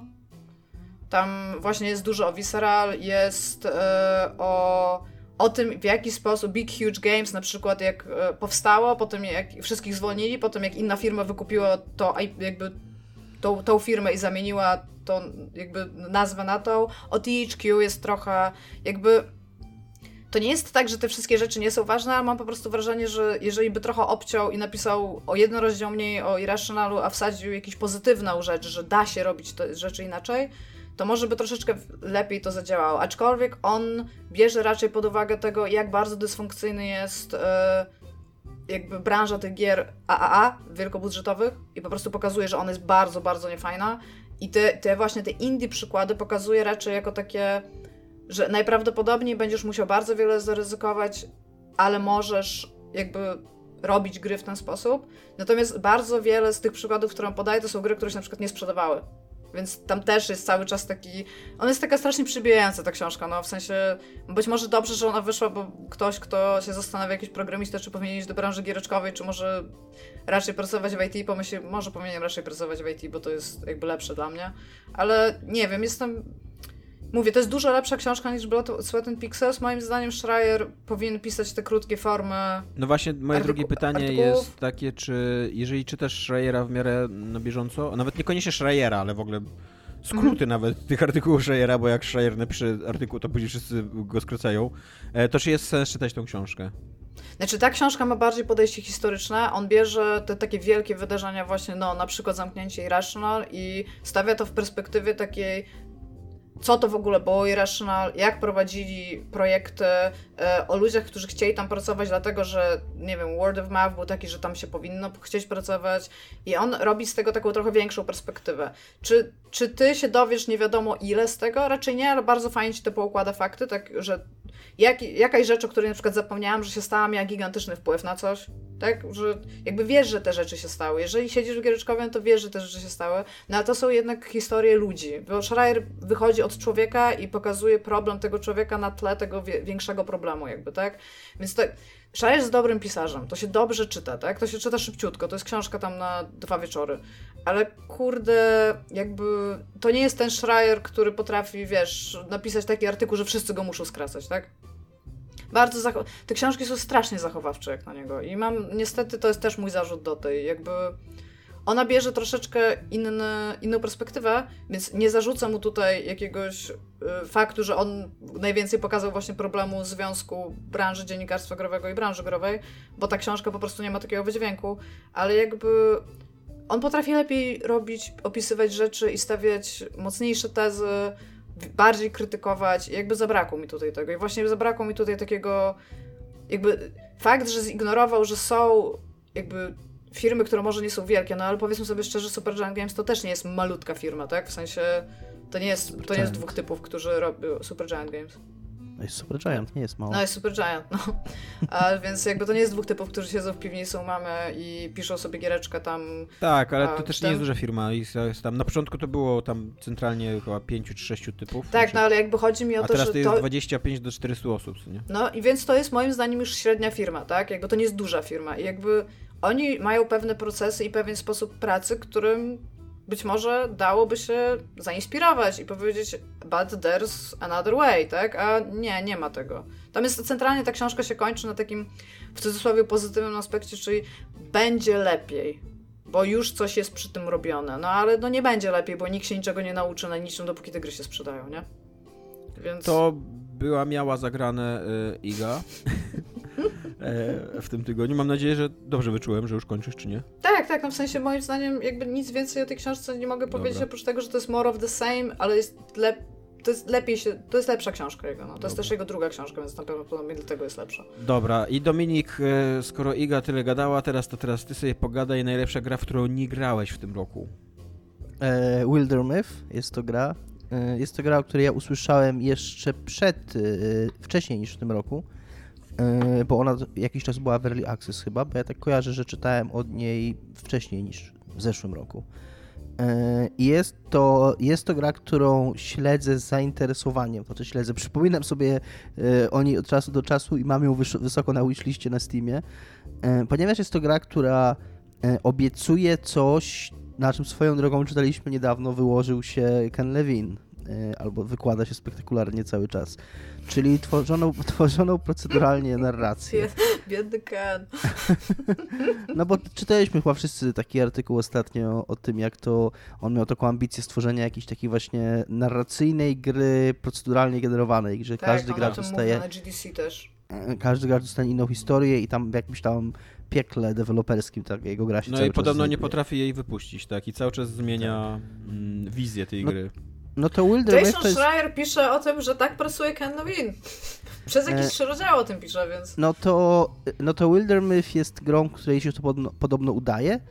E, To jest gra, która, w której też bardzo mnie fascynuje to, bo to jest coś, czego mi brakuje w RPGach, bardzo, o czym wiecie, bo mówiłem o tym dziesiątki razy, czyli która opowiada historię bohaterów naprawdę od takich bardzo skromnych początków, czyli tam każdy, każdy z nich na początku jest jakimś tam farmerem, czy tam e, e, tym piekarzem. Chodzi do baru jakim- i ten rozwala E, szczury w i, piwnicy. i, I to jest taka, i się taka epicka saga tworzy, że zaczynając od takich właśnie takiego zwykłego ziomka gdzieś tam w wiosce, który pracuje jako kowal albo tam e, właśnie piekarz, do jakichś tam właśnie herosów, bohaterów, którzy walczą tam e, o, o, nie wiem, uratowanie świata, czy coś tam, nie wiem do końca, do końca to, jaka tam jest fabuła, natomiast wiem o tym, że ona jest generowana proceduralnie w jakimś sensie, e, że, te, że ona operuje w jakiś sposób e, mm, bardzo sprytny, takimi bardzo szczątkowymi e, środkami. To znaczy tam ona bardzo dużo pozostawia wyobraźni gracza i takimi właśnie rzucając jakieś takie drobne strzępki tego, co się dzieje, ty sobie w swojej głowie trochę tworzysz tą historię. To mi się trochę kojarzy z z tym, co mówiliśmy o grach typu Crusader Kings, nie? czyli że dostajesz y, jakby takie podstawowe informacje o tych ludzikach i trochę sobie y, ty dorabiasz dramę wokół tego jakby w swojej głowie. I podobno działa to super. Do tego ma tam turową walkę, więc to jest coś, co, Tomka powinno Tak. To, to, mnie, to mnie kręci jakby. Ja bym bardzo chciał zagrać tą grę i tutaj I- i to dostaniesz e, moją motykę i, i, i łopatę moją i... Dużo Jezu, dobrego, spoiler, się o tej grze, dużo dobrego się o tej grze pisało, dużo dobrego się o niej mówiło. Rock Paper Shotgun ją bardzo w cudzysłowie promował. Yy, I, i, I też yy, reakcje ludzi na Steamie są bardzo entuzjastyczne i bardzo chcę w to zagrać w końcu. E, Moja nominacja to jest Sable. E, Ja w tym roku czekałem na dwie gry indie, w obie nie zagrałem, ponieważ jestem żałosny i beznadziejny, e, czyli Solar Ash i Sable.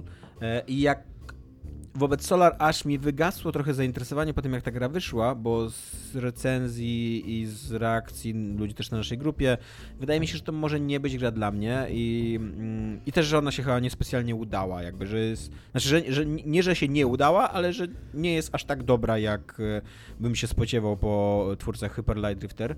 E, natomiast Sable nie zagrałem, bo ona miała dosyć zniechęcające demo, w którym jeszcze dosyć kiepsko działała moim zdaniem w tym demie i wydawała się bardzo pusta i taka e, nieinspirująca. E, I później jak wyszło, to też takie pierwsze reakcje były takie mm, mieszane, e, ale później jakby ta szala się przeważy, przeważyła na, na, na, na, rzeczy, że to jest jednak dobra gra, że jest fajna, że bardzo robi dobre rzeczy ze światem przedstawionym, że ma bardzo taki mm, feel Zeldy, że tam cały czas coś odkrywa, że właśnie mnóstwo takich historii jest poukrywanych gdzieś, że wszystko jest ciekawe, co odkrywasz i tak dalej. E, I bardzo bym chciał zagrać w Sable i, i no, wierzę, że to jest naprawdę dobra gra, ale no niestety w nią nie zagrałem. A tym bardziej jeszcze powinienem w nią zagrać, bo ona jest inspirowana twórczością Mobiusa, takiego legendarnego rysownika, no, który jest, jest legendarnym rysownikiem i, i, i powinno mi się, Iga się właśnie powiesiła na słuchawkach. E, i, e, I powinienem Staram jakby tak Podnieść komiks. Trochę z racji, tak, trochę z racji. Yy, mogłaś po prostu powiedzieć, że masz Inkalam. Nie, mogłam podnieść. Yy, I z racji jakichś takich moich komiksowych zainteresowań też się powinienem yy, Sable zainteresować, ale no niestety jestem yy, tak. Jest w Game Passie. Jestem sobą. Wiem, że jest w Game Passie. Mi się Game Pass zaraz z końcem stycznia skończy, a ani nie przejdziemy Back for Blood, ani ja nie ogram Sable, ani nie ogram Psychonauts 2, e, e, więc, więc w ogóle no mam o sobie strasznie niskie zdanie i mniemanie i... i Wiesz, że możesz Jeszcze- e, jakby jeszcze nie kończyć Game. Passa w styczniu. Jeszcze dużo, to, to raz, Nie będę Dwa płacił rzeczy. więcej niż 4 zł za Game Passa, bez przesady. wow, Wow. że jeszcze jest dużo do końca stycznia. E, ale teraz akurat jestem bardzo wciągnięty w Returnal, więc A idzie mi bardzo złe, źle w tę grę. E, Iga, jaka jest twoja nominacja do najlepszej gry, w którą nie zagrałaś? A ja bym powiedziała, że to jest Deathloop, dlatego że ja wiem, że to nie jest taka gra, jak ludzie myśleli, że będą i znam wszystkie zarzuty jakby w jej kierunku, ale wciąż wydaje mi się interesujące, plus no wciąż jakby it's Arcane Dude, no jakby bardzo bym chciała to zobaczyć. Wiem też, że Tomek, e, ty się nią trochę zawiodłeś, aczkolwiek większość rzeczy, o których mówiłeś, raczej brzmiała fan. To nie jest zła gra, co nie? Jakby ja też miałem mm, gigantyczne oczekiwania od tej gry, bo jestem wielkim, wielkim fanem e, Arkane i, i Dishonored jednego i drugiego. Więc to, to, to nie jest e, tak, że to jest zła gra, co nie? Absolutnie. Bardzo, y, bardzo długo myślałam, że to będą Guardianci tutaj dla mnie w tej kategorii, e, natomiast Tomek przeszedł Guardiansów i to prawie dwa razy i jakby nie, nie widzę potrzeby, żebym ja musiała w nią grać. I jeżeli zastanawiacie się, czy wciąż w giereczkach najwięcej narracji to najlepsza narracja i dlatego to dostała, być może tak, bo tam jest po prostu... Tam jest miliard dialogów i to są... Większość z tych dialogów jest super fan, ale jakby tam się nikt nie zastanawiał, jakby oni, oni zważyli narrację w tej grze i zważyli narrację w tej grze i w tej było dużo więcej. Więc jakby let's do this i moim zdaniem e, jakby wciąż Psychonauts 2 mieli fajniejszą narrację. E, Zanim przeprowadzimy głosowanie wśród nas, to powiem, jak głosowali nasi słuchacze i słuchaczki. E, Niestety w międzyczasie nikt się nie dołączył, jakby nadal jest tylko 322 em, e, głosy, nadal są tylko 322 głosy E, i e, gracze nasi nie zgadzają się z tą Iga absolutnie. Ostatnio się zgodzili, teraz się nie zgadzają. Guardians of the Galaxy to jest najlepsza gra, w którą nie grali. E, 80 odpowiedzi. Inscription to jest druga najlepsza gra, w którą bo ja nie grałam. grali. 62 odpowiedzi. Returnal to jest trzecia najlepsza gra, w którą nie zagrali, 41 odpowiedzi. Ja E, ale powiem szczerze, pograłabym w Returnal, ale po prostu patrząc e, na to, że pewnie nie będę mieć PS5 anytime soon, to po prostu nie pogram w Returnal, więc... jest to, jest to bardzo wyrównana kategoria, bo ym, tu Returnal ma 41 głosów, a później tak, Loop Hero 35 głosów, Metroid Dread 20 głosów, Death's Door 18 głosów, Tales of Rise 15 głosów Zapomniałam, że Metroid. Dread wyszedł w tym roku. Ja się bardzo długo zastanawiałem, czy Metroid Dread nie umieści Mm. w tej kategorii. Yy, Ale myślę, że aczkolwiek- prędzej zagram w Deathloopa niż w Metroid Dread.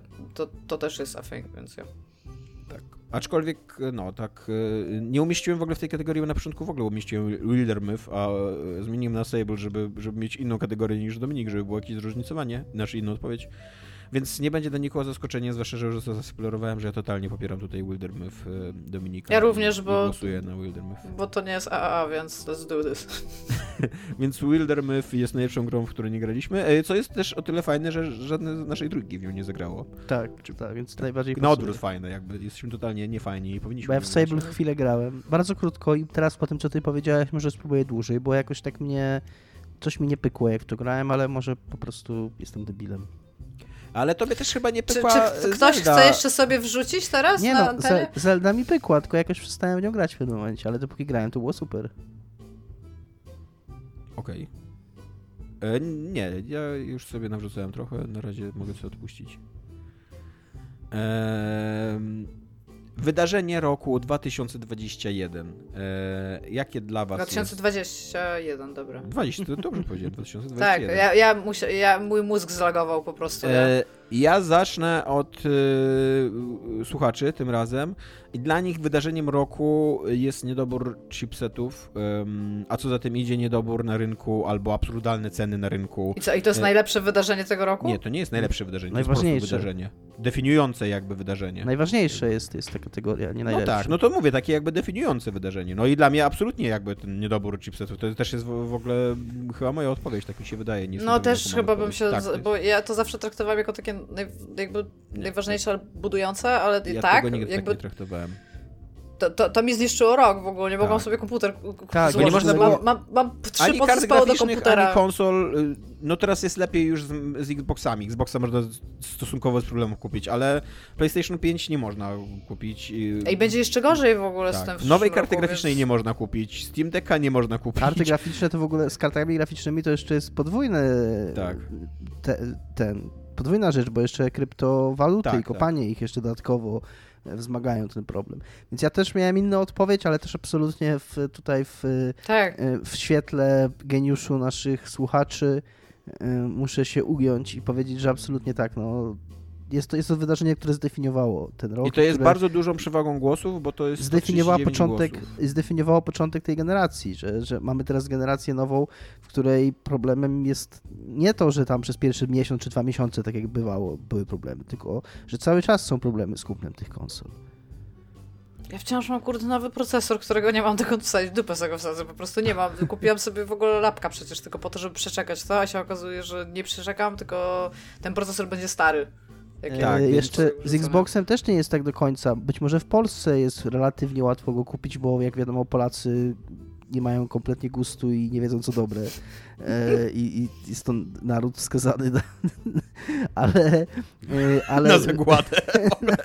Bo nie kupujecie Xboxów. Jakby, jeżeli kiedyś Ruscy nas najadą, to dlatego, że nie kupiliście Xboxów. Jakby. To jest wasza wina. ale, Polaczki. ale z tego, jak się czyta, jak się czyta co piszą ludzie na, na zachodzie, to, to Series S nie ma problemu, no bo to jest taka, wiecie, dzi- dziwny kasus jest tej konsoli.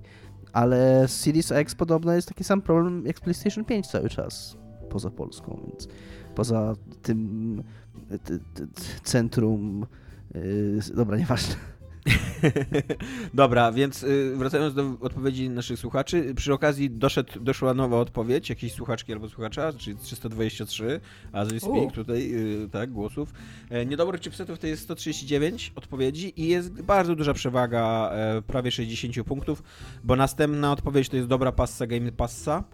E, Nice. 81 odpowiedzi e, i następna odpowiedź to już jest w ogóle 40 em, odpowiedzi tylko e, polskie tłumaczenie Disco Elysium. E, dalej jeszcze jest dodanie koszyka do Epic Store. E, Jak się wchodzi na Epic Store, to oni mają centralnie na plash screenie pierwszy nowość w Epic Store, koszyk. I to się liczy tak, nie mówcie Ja przynajmniej o tym. muszę przyznać, że to trochę moja zasługa, bo to ja to tam wpisałem jako nominację, więc być może mam nadzieję, że ludzie trochę też e, dla humoru to wybierali, bo jest to totalnie taka em, e, dowcipna, humorystyczna e, nominacja, bo wszyscy mają w dupie ten koszyk, on powinien być od początku, to nie jest Oczywiście, że roku. tak, w ogóle what the fuck. Epic ogarnij się w ogóle. Cały czas ten wasz, cały czas ten wasz sklep mnie co miesiąc wylogowuje i mimo, że za każdym razem klikam zapamiętaj urządzenie, to on nigdy tego urządzenia nie pamięta. Nigdy. No jest, jest tragedia na Epiku jeszcze. No dobrze przynajmniej, że, że są czasami tańsze gry niż na Steamie. To, to jest super, nie? Ale Tak, ktoś odpowiedział, że schód y, 14 kilo, gratulujemy, jest to rzeczywiście super wydarzenie. bardzo E, dobrze. Jedna odpowiedź, y, debiut magazynów co? Rafał, tak, super, fajnie, że brałeś udział tutaj w tej zabawie również z nami. E, Ale czekaj, on sam to wpisał i na to zagłosował? nie wiem, nie wiem, czy to on sam, ale, ale tak podejrzewam, jakby jeżeli Czy możemy mu dać dwa, dwie nagrody fana roku za to?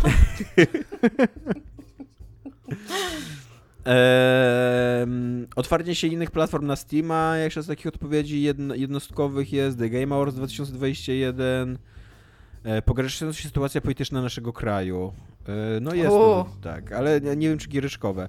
E, moją odpowiedzią były, były te, te chipsety, już nie, nie czuję w obowiązku uzasadniania tego, bo Dominik bardzo dobrze to zrobił. Dominik, jaka była twoja odpowiedź, chociaż wiemy już, że zagłosujesz na, na to? Y, Moja odpowiedź to była passa Game Passa. Również u mnie. Bo była, był to dla mnie taki rok, którym e, pokochałem Game Passa jeszcze bardziej niż kochałem go wcześniej, a to za sprawą kilku czy nawet kilkunastu takich mniejszych gier, w które i to jest coś, co e, moim zdaniem Game Pass robi fenomenalnie dobrze i mam nadzieję, że będzie to robił cały czas. Czyli nie, znaczy fajnie, że są tam te duże gry i fajnie, że mogłem w Psychonauts 2 zagrać i w Forza Horizon i w Halo Infinite i tak dalej. To jest super, naprawdę.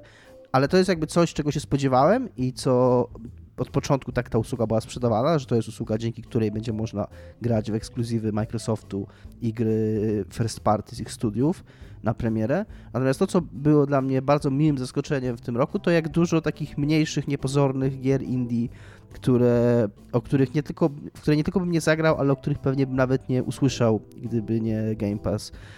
E, Właśnie to ostatnio taką grą było to Lake, taką grą, którą też bardzo mile wspominam, jest znienawidzony przez IG Last Stop.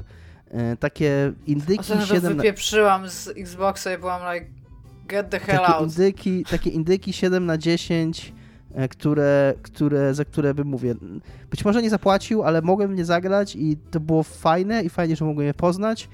E, I, e, I i, porzucić. i, i, i słucham? I porzucić. I porzucić. No, takie gry też na 4-5 godzin to też jest super, że, że można sobie taką, taką grę z Game Passa wrzucić i bez wyrzutów sumienia, że tam wydałem pieniądze na to, yy, sobie to, to sobie, sobie to przejść. I też uważam, że yy, bardzo fajne jest to, co ta usługa robi yy, z takim poczuciem yy, wyrzutów sumienia z powodu niekończenia gier. Być może ona to yy, trochę aż za bardzo mi to robi, bo w ogóle nie kończę gier ostatnio przez nią, ale uważam, że to jest takie odświeżające i uwalniające, że przez to, że tam płacę abonament, a nie płacę za poszczególne gry, to nie mam e, takiego nie wiem, wyrzutów sumienia, e, jeżeli mm, wiecie, porzucę jakąś grę. Tam jeżeli pogram w coś kilka godzin i to było fajne kilka godzin, ale nie mam ochoty kontynuować, no to okej, okay, to zostawiam i przeskakuję do czegoś innego i to też jest bardzo fajne. Iga, czy masz jakieś uzasadnienie do swojego, do swojego pasy Game Passa, czy zgadzamy znaczy, się, sam... że Dominik lepiej uzasadnia nasze no, Dominik niż... ogólnie bardzo dobrze to zrobił i tak jak on jakby... Ja, ja, super korzystam z Game Passa i się realnie patrzę na to, co będzie na przykład tam nowo dodane i sobie tam dodaję ja tam realnie rzeczy. się do tego przykład. Dla mnie to jest takie, dla mnie to jest takie niezobowiązujące, że te gry po prostu są. Jak sobie kupię się... grę, to czuję takie, okej, okay, wydałem na nią pieniądz, muszę w nią zagrać. Ale, no, właśnie, jest... one po prostu są. Po prostu. Ale tak, ostatnio, ostatnio psy, sobie no. kupowałam, ostatnio no, ale sobie właśnie kupowałam to jest grę fajne. i realnie miałam problem ze znalezieniem sklepu. Dlatego, że po prostu nic nie robię, tylko siedzę na, na, tym, na tych Game Passowych grach. Ale właśnie to, to, to jest super, no. Właśnie to no, jest fajne, ja że wierzę, one... że to jest fajne, ale mnie to nie kupuje jakby. Ja mam inną, inną psychologię po prostu. Masz głupią ja psychologię. No właśnie, masz złą. Myślałeś o tym? Powinieneś do lekarza iść z tym. Oso, my, my wydajemy pieniądze na te gry, Tomek, co miesiąc. Jakby it happens. Oso, muszę nie, no skasować subskrypcję PlayStation Plus. Że za darmo te gry tam wpadają. To nie jest prawda w ogóle. Tak. To, to, to płacimy po prostu, żeby mieć Game Passa, a przy okazji są tam gry. No tak, no. Tak. Tak samo jest ta narracja, że o, Amazon dorzucił za darmo gry. nie, nie, tam nadal płacisz. Też e, ale tak, czyli że... zagrałem dzięki Game Passowi, które, nie, za które nie wiem czym zapłacił pieniądze. Backbone też była super taką grą. E, to był super Backbone czas. ma super marketing, ten team tak, ogólnie. Tak, I robią nowego w Backbone była... w ogóle. Tak, to w ogóle, to w ogóle... obiecują, że teraz będzie zero gameplayu. To była naprawdę fan gra, która właśnie moim zdaniem super dużo zyskuje na tym, że jest w Game Passie. Że nawet jeżeli ktoś jest ustrolowany tym, w jaką stronę ona idzie, no to to jest fajne pole Game Pass takich właśnie trochę eksperymentalnych gier. Którą ale jednak pewno... niedobór y, chipów. Tak, tak, ale no jako roku. bardziej to jest sensowne jako wydarzenie. Tak. Niedobór tak. chipsów. E, więc tak, więc y, to jest nasze wydarzenie roku. E, możemy teraz wziąć najlepszą starą grę w 2021. E, E, Dominik, jaka jest twoja odpowiedź? E, moja odpowiedź to 13 Sentinels Aegis Rim, e, czyli gra, w którą chyba wszyscy odkryliśmy w zeszłym roku. Chyba dzięki Tomkowi, jeżeli dobrze pamiętam. On takie pospolite nie, ruszenie. Dzięki Tak, okej. Okay. A nie, dzięki, nie, masz rację, tak. To chyba no ja pierwszy grałem w tą grę. Też, nie też wiem, mi się wydaje. Wiem, że wszyscy... Nie, Iga nie ja pierwsze grałam. wcześniej grać, ale później ją porzuciła z jakiegoś powodu, później ja do niej wróciłem i, i było Nie, super. ja, ja ją przeszłam. No Ona tak, była u mnie super w, w Techlandzie, bardzo dużo ludzi w nią ale grało. Kończyłaś ją, o nim gadał. Ale kończyłaś ją po mnie na pewno, bo wysłałaś nam na się, grałaś. Nie spodziewałem się, że tak ważne się stanie określenie, kto, kto przyniósł tą grę do podcastu. Załóżmy, że oboje mieliście po 50% udziału w tym. O, e, also, wydaje mi się, że oni tam wypowiadali to Aegis Rim, a Też mi się tak wydaje, ale z drugiej strony ja to sama tak czytałam w swojej głowie, więc jakby... Nie wiem. Ja bym powiedział Aegis. 13 a... Sentinels. Po tak. prostu. E, w każdym razie, no, ja super wspominam granie w tą grę. Jest ona czymś tak niezwykłym i niecodziennym. Jesteś większym narra... fanem Jakisoba Pan czy hamburgera? Niż co? Jakisoba Pan? Hamburger. Nie no, jaki soba pan, jaki soba pan totalnie. Jaki soba pan for life. E, I, i, i, te, I naprawdę, jeżeli chodzi o narrację i, i stopień zwariowania tej historii, bo tam i, i sposób jej prowadzenia, ale też taka radosna, bez taka pozbawiona wszelkich hamulców, e, takie szaleństwo narracyjne. To jest też coś, co często ja mam wrażenie, co ma Yakuza, na czym zyskuje Yakuza, że, że wśród zachodnich twórców gier już jest, jesteśmy tacy on i wszyscy chcemy robić fabuły on i tam wiemy, że pewne rzeczy, że tam hamskie cliffhangery i plot twisty to jest takie trochę już, o, takie trochę tanie i takie trochę nie chcemy z czymś takim, yy, to wiesz, już bardziej się silimy na takie bardziej ambitne fabuły i takie samoświadome i że, a oni nie, tam cliffhanger co 5 minut, tam co, co każdy akt, tam zwroty akcji, to on się okazuje twoją matką i ojcem na końcu i w tak. ogóle zdrady, spiski, wszystko na Ale jeszcze się... humor o sikaniu i pierdzeniu też jest ważne, no. Tak, I, wydawało i... ci się, że to jest gra o podróżowaniu w czasie, a co byś powiedział na alternatywne rzeczywistości? Coś powiedział na Matrixy, coś powiedział na inne takie... Co... I nanomaszyny! I to jest takie, i to jest i dokładnie taką też fabułą jest 13 Sentinels, takie bez, e, jakby nie bojące się os oskarżeń o śmieszność, takie bardzo pewne siebie podkręcenie do 11 wszystkich motywów science fiction i wszystkich tropów science fiction i, i, i tak, i ze wszystkimi możliwymi zwrotami akcji.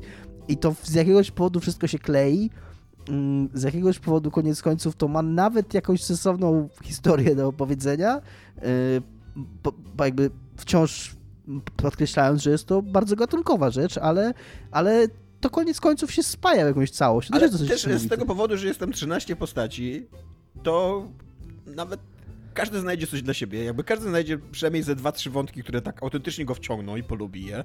Eee, więc tak, no ja, ja, ja, To jest bardzo fajna gra, którą ja też grałem w tym roku i też jakby jest to stara gra, którą grałem w tym roku. Ja bym chciał tutaj tylko dodać jeszcze do, do, do, do tego, co Dominik e, e, chyba nie, nie zwrócił tak uwagi na to, ale mi się bardzo dobrze grało w tym ekranie strategicznym na tym trudniejszym poziomie trudności. On był dla mnie taki akurat, że nie był za trudny, no, w ogóle nie był jakimś wielkim wyzwaniem, ale musiałem kombinować, musiałem pauzować. Jak chciałem e, szlifować wyniki, to, to, to szlifowałem, to nie zawsze mi to wychodziło. Kilka walk musiałem powtórzyć tak uczciwie i i jakby on, on, miał, on miał swoją głębię i, e, i autentycznie bardzo miło wspominam. E, też jest to dosyć rzadkie, żeby udało się przy pomocy tak sprytnego obejścia ograniczeń graficznych oddać klimat autentycznych takich wielkomiejskich walk, wielkich robotów z wielkimi potworami, bo um, tutaj jest zachowana i ta skala i jakby niszczenie budynków i wystrzeliwanie tam setek tysięcy rakiet i zrzucanie jakichś takich bomb, kurde, które tam półdzielnicy niszczą e, i jakieś takie chmary właśnie tych potworów nalatują, a z drugiej strony to jest wszystko przedstawione na, za pomocą tego takiego, takiej grafiki radarowej, że się tak wyrażę, więc... Bokselki są. Co? Woksele tam są. Tak, tak. E, więc... Ale to wręcz e, wygląda trochę jak taka więc to, gra planszowa to, to się zmieściło w budżecie, co nie studia 40-osobowego, co nie słucham? To wygląda trochę jak taka gra planszowa z dodanymi tak. efektami świetlnymi i, i tam. Tak, dokładnie. Więc, więc ja, bym, ja tutaj wszystko to, co Dominik powiedział, chciałbym poprzeć, ale też jednocześnie chciałbym dodać od siebie, że uważam, że to jest niezła strategia taka półturowa półczasu rzeczywistego, no bo to jest strategia z aktywną pauzą, co nie? Więc kiedy chcesz jest turowa, kiedy nie chcesz nie jest turowa. Um, natomiast moją e, nominacją będzie Other Side, e, czyli gra z zeszłego roku, e, która mnie autentycznie mega wciągnęła i i z którą, którą przede wszystkim chciałbym nominować znaczy, za to, że... Nie z zeszłego, tylko z 2020. Z 2000, tak, no bo masz rację, bo nagrywamy już w 2022. To jest gra z 2020 roku um, i gdyby ona była grą z 2021 roku, to ja bym ją nawet nominował do najlepszej gry roku, ale niestety Iga mi uświadomiło ostatnio, że to nie jest gra um, z 2021 roku. E, I, e, ale to jest gra przede wszystkim, którą ja bym chciał nominować za to, że ja na pewno ją będę pamiętał za emocje. Ona, e, ona jest niewybaczająca, e, ona jest bardzo trudna, ona ma, wszystko wiąże ze wszystkim, wszystkie te systemy są powiązane ze sobą i są powiązane za pomocą bólu, łez, potu i poświęcenia, e, więc zazwyczaj cię ta gra karze i kara, chyba, kara, karze, chyba kara, zazwyczaj tak, cię ta gra kara, i, e, i poniewiera i robi ci brzydkie rzeczy i twoje córy umierają i tracą HP na stałe i, i jest to bolesne i żeby je uleczyć musisz poświęcać inne córy, które bardzo lubisz e, i, i jakby każda decyzja ciągnie za sobą konsekwencje i e, ale to, ale to autentycznie doprowadziło do takiego momentu, że ja czułem zajebiste emocje, że ja przed każdym kliknięciem się zastanawiałem 10 razy, że czułem, że wszystko co robię ma swoje konsekwencje. Albo teraz, albo tam za, za, za 4 czy 5 walk ja, się, ja sobie pomyślę, o kurde, mogłem tego nie robić, bo teraz mi dokładnie brakuje tej postaci czy czegoś tam. No nie?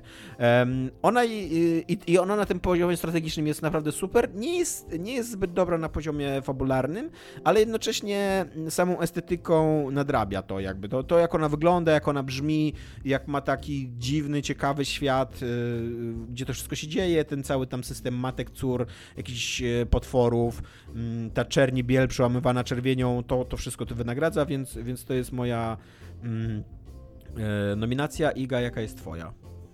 Moja nominacja to jest Faktoria, ponieważ dawno, jeżeli w ogóle kiedykolwiek, ale na pewno nie miałam tak wielkiej, satysfakcjonującej... Był taki moment w Faktorii, kiedy udało nam się wysłać pierwszą rakietę i ja ja się czułam, kurde, jak, jak Bóg. Rozumiesz, że to zrobiłam. Ja siedziałam i ja byłam tak szczęśliwa i tak dumna w ogóle z nas i włożyliśmy w to tyle godzin, żeby to zrobić.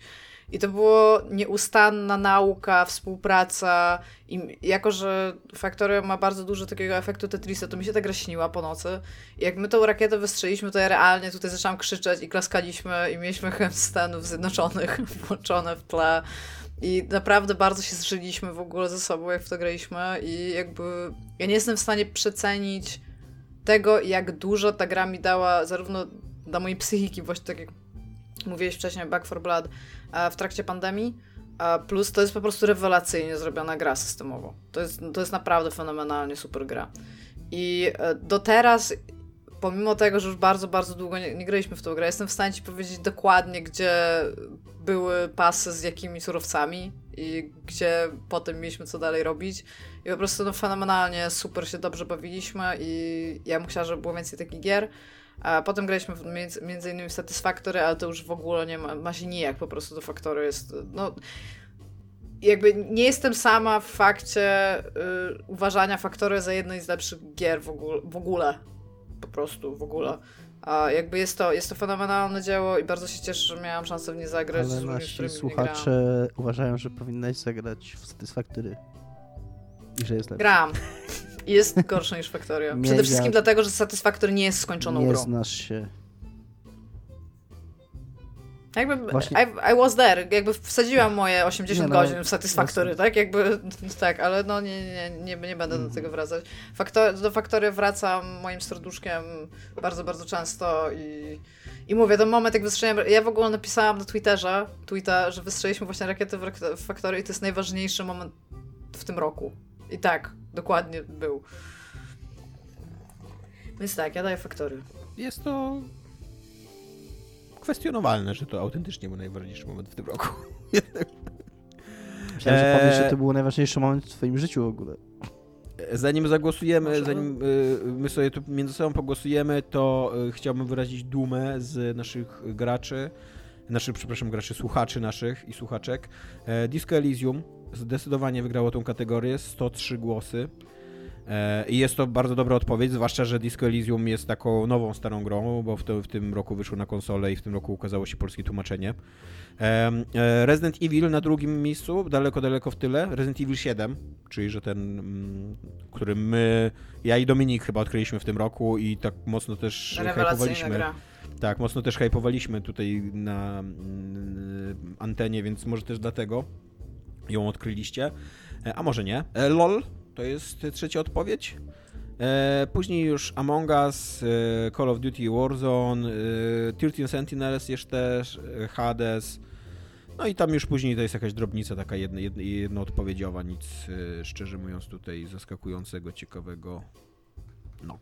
E, ja natomiast e, tutaj totalnie jestem w stanie poprzeć Dominika, że 13 Sentinels to jest super gra z 2020 roku, którą dałem w 2021 i mogę na nią oddać głos. Iga? No, ja, czy ja muszę? W sensie, no, jestem w stanie zgodzić się na Fair możesz, możesz wyrazić swoją opinię jakby tam. Jestem w stanie jak naj... w sensie tak jak mówi, nam się wszystkim podobała ta gra. Na pewno nie zagłosuję na Factorio, ponieważ istnieje Satisfaction, że to jest dużo lepsza gra i Iga powinna ją zagrać. Będziemy się bić. Dokładnie, dokładnie.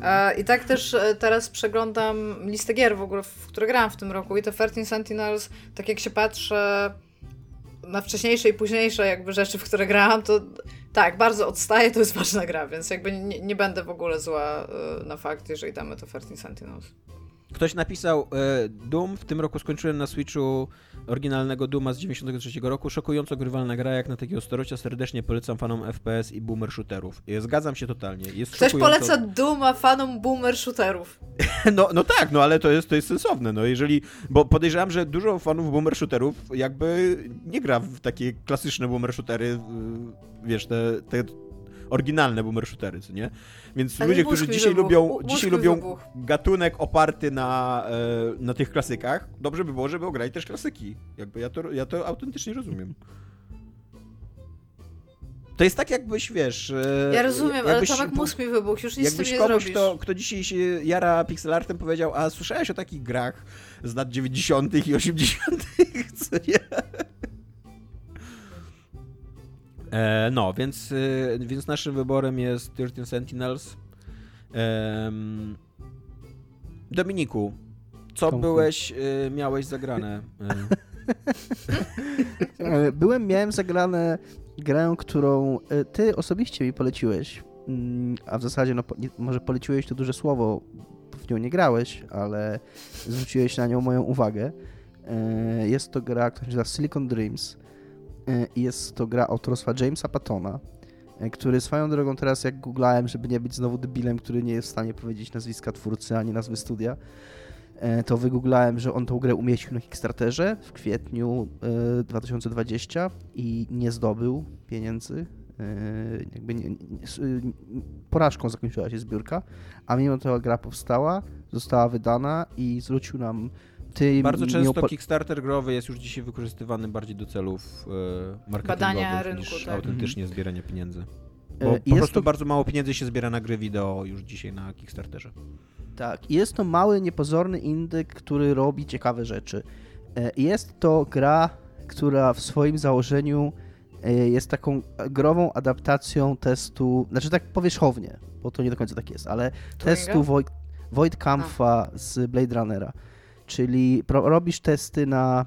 y, ty jesteś te, też w tej grze Androidem, i to wiadomo od początku. Androidem stworzonym przez firmę Kronos, bo to firma Kronos tworzy Androidy. e, do celów przesłuchiwania. e, Z czego się śmiejesz? No, że, że tak podkreśliłeś to drugie zdanie, że jesteś stworzony przez firmę, jesteś Androidem stworzony przez firmę Kronos, to firma Kronos Bo jednocześnie ta androidy. firma, bo jednocześnie ta firma y, te androidy sprzedaje ludziom, a tak naprawdę ich nie sprzedaje, bo jest jakaś tam umowa, którą podpisujesz kupując takiego androida, w której jest zawarte, że ty go tak naprawdę wypożyczasz, e, a ta firma może w każdej chwili zażądać To tak jak Steam. zażądać jego zwrotu. E, I jeżeli taki Android wykazuje szczególnie jakieś cechy niepożądane, w szczególności cechy buntu, bo podstawowym, e, podstawowym jakby podstawową cechą Androidów jest to, że mają być posłuszne ludziom. Ludzie Mi się wydaje, kupują- że właśnie a- a- Androidów jest to, że się buntują jakby. No, chyba tak, no, takie fundamentalne, jakby, jakby to E, jest. No. a o W tym za momencie, kiedy Amazon albo jakiś tam Facebook powie, że budujemy Androida, to okej, jakby one się zbuntują, co nie że wiemy podsta- to. podsta- podstawowym e, jakby one są kupowane przez ludzi do różnych celów, czy tam do jakichś prac domowych, czy tam do opieki, jak ktoś jest starszy. Czy seksualnie też mogą być wykorzystywane? Nie, nie jest ten wątek, nie jest ten Okej. wątek w tej grze wpro- wprowadzony. E, I, I ty jesteś, jakby jeżeli e, e, użytkownik takiego Androida właśnie zacz- zacznie mieć wątpliwości i zaczyna się, jakby zauważy, że ten Android za- zaczyna się zachowywać w, nie, w niepożądany sposób, lub też gdy firma Kronos w jakiś sposób do niej to dotrze, to ma prawo wysłać jakby zażądać zwrotu tego, albo po prostu wysłać człowieka swojego, który zabierze tego Androida i ten Android jest poddawany wtedy takiemu testowi, który ma wykazać, czy faktycznie jest, jest z nim coś nie tak, czy, czy jest buntownikiem, czy jest. e, e, Tam jest jakieś słowo na to. e, Nie pamiętam już tego słowa, no ale w, w każdym razie, czy co z nim zrobić dalej. I, i ty prowadzisz te przesłuchania. Tych przesłuchań jest mniej więcej z 10 w tej grze. E, Ona jest tak w, sam, w swojej istocie takim trochę Papers, Please mapem, e, E, czyli grą please Light. Paper Please Light, tak? E, czyli taką Papers, grą toczącą please się... Albo Papers Please Vania. Paper Please Vania. To jest dobre, tak. Y, Czyli taka gra tocząca się na ekranach interfejsu po prostu, gdzie zadajesz te pytania, masz tam taki y, wykres, gdzie ci pokazują się emocje, tam stany emocjonalne tych androidów i ty musisz z każdym z nich porozmawiać i na koniec tej rozmowy wypełnić taki raport dla, mm, dla Kronosa, gdzie jest jakaś tam seria, y, zestaw pytań, na które ty musisz odpowiedzieć po tym I te przesłuchaniu. pytania, jako że ty też jest Androidem, to są takie pytania. Idziesz po pustyni i widzisz żółwia. Nie, nie, nie, właśnie to, o tym za chwilkę. Y, I, i musisz decydować, i, i jakby po zakończeniu ty jesteś takim tutaj trochę judge, jury and executioner, czyli po wypełnieniu tego raportu i po skończeniu tej rozmowy, to ty decydujesz, czy wypuścić tego androida po prostu na wolność i tam nara, że ma wrócić do swojego właściciela, czy wysłać go na do serwisu, czyli ozna- oznacza przeprowadzenie takiego y, przy, przypro- przywrócenie do stanu Do fabrycznego. ustawień fabrycznych. No. Tak, do ustawień fabrycznych, czyli mu się resetuje też pamięć temu Androidowi, ale jakby dalej funkcjonuje. E, Albo możesz go po prostu zezłomować. Od razu naciskasz guzik i tam pff, i widać jak na śmieci w ogóle, jak wywalają. tak. Znaczy, no nie widać jak na śmieci, no ale on jest przy, tak, na takim krześle siedzi i, i tam poraża go prądem, otwiera się po, ten dziura w podłodze i tam z tego krzesła go pist na dół. E, E, Jest to gra o humanizmie, tak? Tak, bardzo. Jak, jak wszystkie Właśnie- fabuły o E, Androidach. Właśnie to nie, nie do końca jest. Mm, Też, ja się trochę bałem, że ona będzie trochę kopią i pierwszy Android, pomijając takiego tutorialowego, pierwszy Android, z którym rozmawiasz, jest trochę mało oryginalny, więc troszkę byłem. y, Może nie rozczarowany, ale trochę miałem takie uczucie, że kurna liczyłem na więcej, bo ten pierwszy Android faktycznie jest takim typowym przypadkiem y, Androida, który zaczyna, wiesz, ludzkie, za bardzo ludzkie emocje y, odczuwać i tam kwestionuje yy, sens swojego istnienia i takie, wiesz, to co wszystko już znamy i co było przerobione w fantastyce naukowej yy, wiele, wiele razy. Ale na całe szczęście ta gra nie ogranicza się do tego. Yy, Tam wśród tych, i mówię, koło 10 przesłuchań są, jest, jest 10 kompletnie różnych przypadków. Tam nie tylko androidy, bo też zdarza się ludzi przesłuchiwać. Każdy z tych androidów ma kompletnie inną historię, ma kompletnie inną osobowość. To jest to moim zdaniem, co tej grze wychodzi rewelacyjnie. To znaczy, w niej nie ma w ogóle voice actingu, ale ona jest napisana w taki sposób, że czujesz, że, że każda z tych, każdy z tych przypadków to jest zupełnie inna osoba, zupełnie inny charakter, zupełnie inne problemy, zupełnie inne manieryzmy, zupełnie inna sytuacja, w której ten ktoś się znajduje. Więc de facto ta gra to jest taka trochę antologia mini historyjek z androidami w roli głównej, gdzie ty, mm, i to jest druga ciekawa rzecz w tej grze, podejmujesz, decy- pomijając decyzję końcową, czyli co zrobić z tym androidem, czy go tam na śmieci, czy, czy nie na śmieci, to bardzo dużo zależy od tego, w jaki sposób prowadzisz tą rozmowę, ale e, rzadko jest tam taka sytuacja, że masz jakąś zero-jedynkową decyzję do podjęcia, chociaż zdarza się tak, że zadaje ci pytanie i ty musisz odpowiedzieć w jakiś sposób i to jest, jakby masz na to tylko jedną okazję i jakby jak, jak odpowiesz, tak jest to, tak jest to jakby gra to bierze pod uwagę i idzie dalej. Ale w duż, przez większość czasu yy, ważne jest to, jakie pytania wybierasz. To znaczy, masz tam ileś ścieżek tej rozmowy, tam powiedzmy ileś tematów, w każdym temacie ileś pytań i te pytania są różne w tonie i też te tematy są różne i ty rozmawiając z danym androidem musisz brać pod uwagę, jak on zareaguje emocjonalnie na... Powiedz mi, czy to na jest te gra, pytania. która bardzo bazuje na takiej presji czasowej, jak właśnie Paper Please Bunny? Nie, tam w ogóle nie ma presji czasowej. Mm, Nie ma, nie, yy, nie, nie, nie wymaga, nie, nie musisz nic robić na czas. To dobrze, to mnie zachęca, bo jakby nie mam teraz ochoty na taką stresującą grę. Yy, I, A, a, E, y, i, i tylko skończę mówić, ok?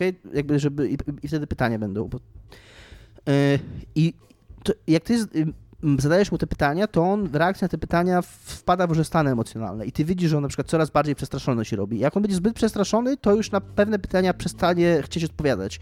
I tobie już może nie być tak łatwo o, o, jakby odejść od tego stanu.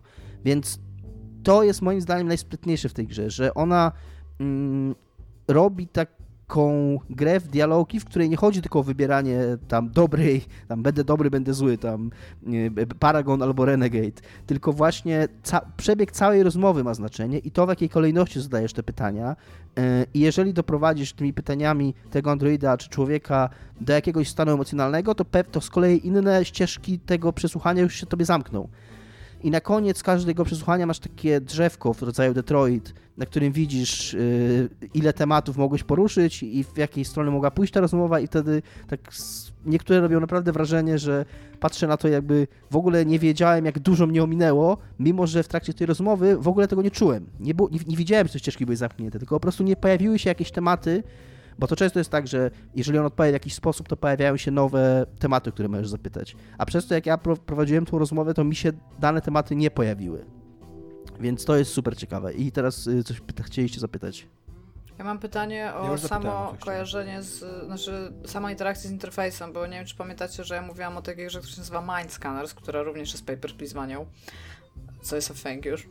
A, i, I tam była, była tragedia, nie? I tutaj jakby wiem, że już nie ma presji czasowej, co jest super w porządku, ale jakby i, grałeś na konsoli, rozumiem? Tak, nie, grałem na PC, bo nie okay. wiem, czy to jest na konsoli, ale tam nie ma żadnych minigierek, e, tam nie ma żadnych takich.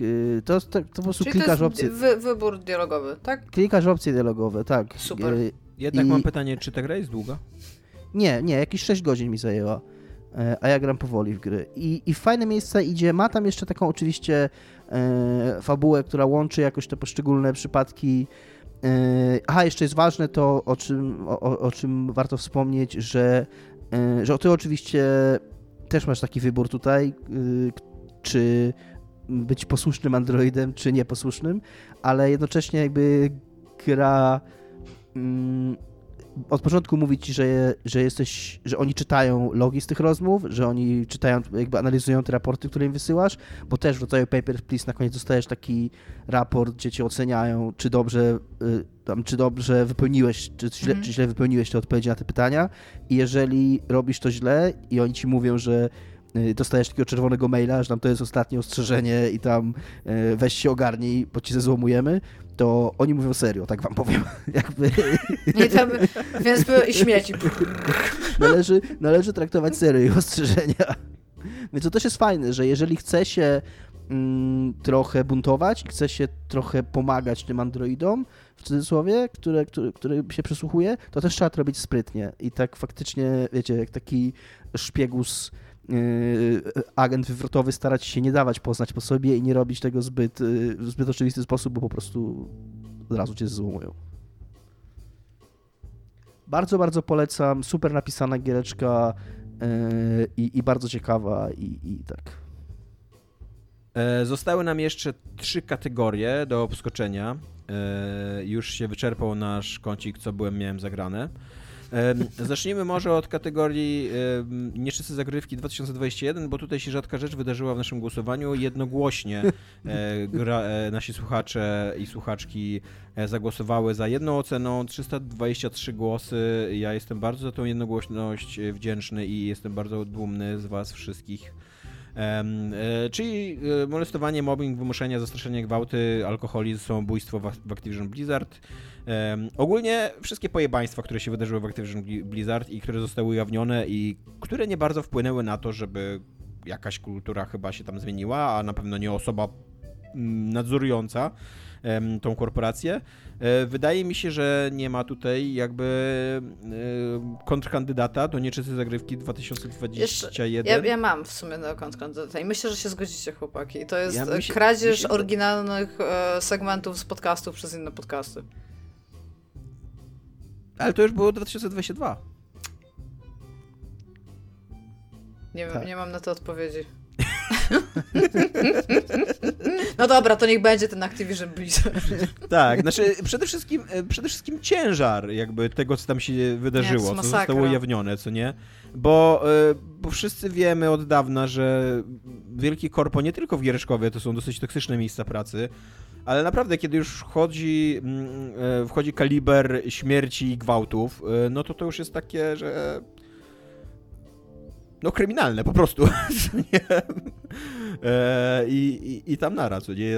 Dobrze by było, żeby, nie wiem, albo Activision Blizzard został teraz e, jakąś taką, mm, takim kolektywem pracowniczym, po prostu całe, wszystkie, wszystkie osoby zarządu, wszystkie tam powyżej powiedzmy jakiegoś dyrektora e, zostały usunięte, akcje zostały rozdane pracownikom i, i oni będą sobie prowadzić dalej tę firmę, albo nie wiem, albo żeby chyba przestał istnieć czy coś Activision Blizzard. Chociaż tutaj też nie chciałbym tam pewnie z kilku tysięcy pracowników pozbawiać pracy, co nie, to jest skomplikowane.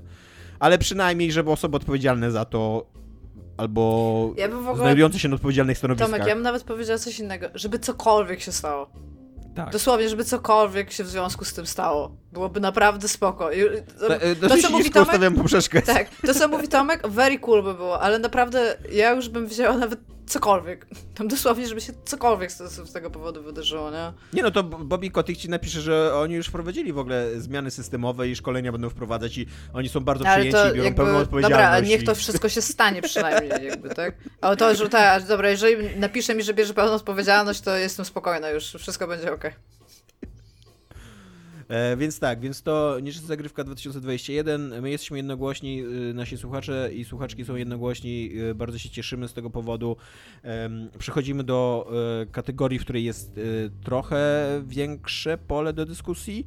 Największe rozczarowanie. E, Dominik gadał, więc Iga, twoje największe rozczarowanie 2021. Ja, bo jak, y, jak wiecie, ja tam nie miałam nic wpisane, po czym pomyślałam chyba z 5 minut nad tym i wysłałam wam automatycznie maila i moje rozczarowanie roku to jest to, że Cyberpunk 2077 nie został skończony, bo, i teraz trzeba się nad tym zastanowić, to znaczy, że ta gra powinna być w developmencie jeszcze przez rok, zanim wyszła.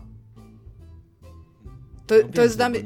Tak, ale dla mnie to jest tak, no dobra, ale jakby go wydali teraz, to i tak i tak jakby musieliby tam go patchować albo coś takiego, ale to jest rok nieukończenia gry, a ta gra już jest od roku na rynku. Tak, I, i świetnie się sprzedaje.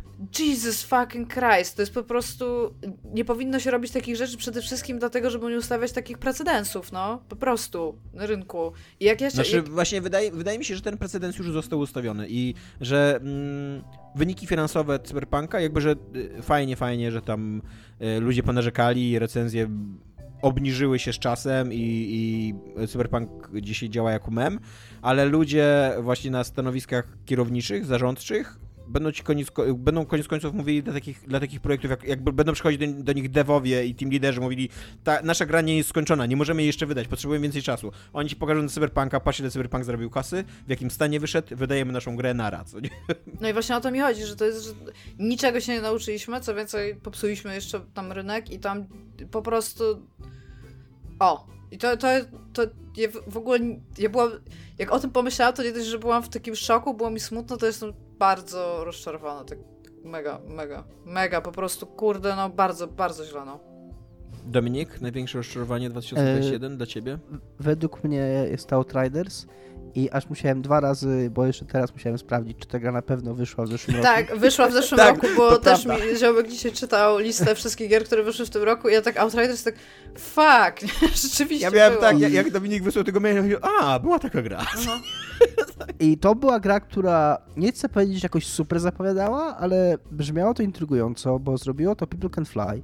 Ludzie, o których wiemy, że e, umieją robić shootery. E, miała dosyć znaczy ciekawy. e, no może nie miała ciekawego pom- pomysłu na siebie, ale, ale przynajmniej to, że, mm, że, że taki sznyt People Can Fly e, do robienia strzelanek w połączeniu właśnie z tym takim modelem rozgrywki w rodzaju Destiny czy, czy Division, czyli takiego żyjącego, rozwijającego się shootera online, że to może być przynajmniej ciekawe połączenie. To znaczy, bo sam w sobie ten model jest, jakby jak pokazuje Division i Destiny, to te, te, takie gry pot- potrafią być naprawdę niezłe, a jeszcze jak się, a, a- przynajmniej popularne, a, a jak się to jeszcze do tego dołoży dobre strzelanie i fajną taką mięsistą, e, miodną e, mechanikę walki, no to mogło być coś ciekawego. I ja czekałem na tę grę i byłem nią zaintrygowany, po czym jak wyszło demo, to nawet tego dema nie przeszedłem i jakby totalnie na, na przestrzeni tego dema moje całe zainteresowanie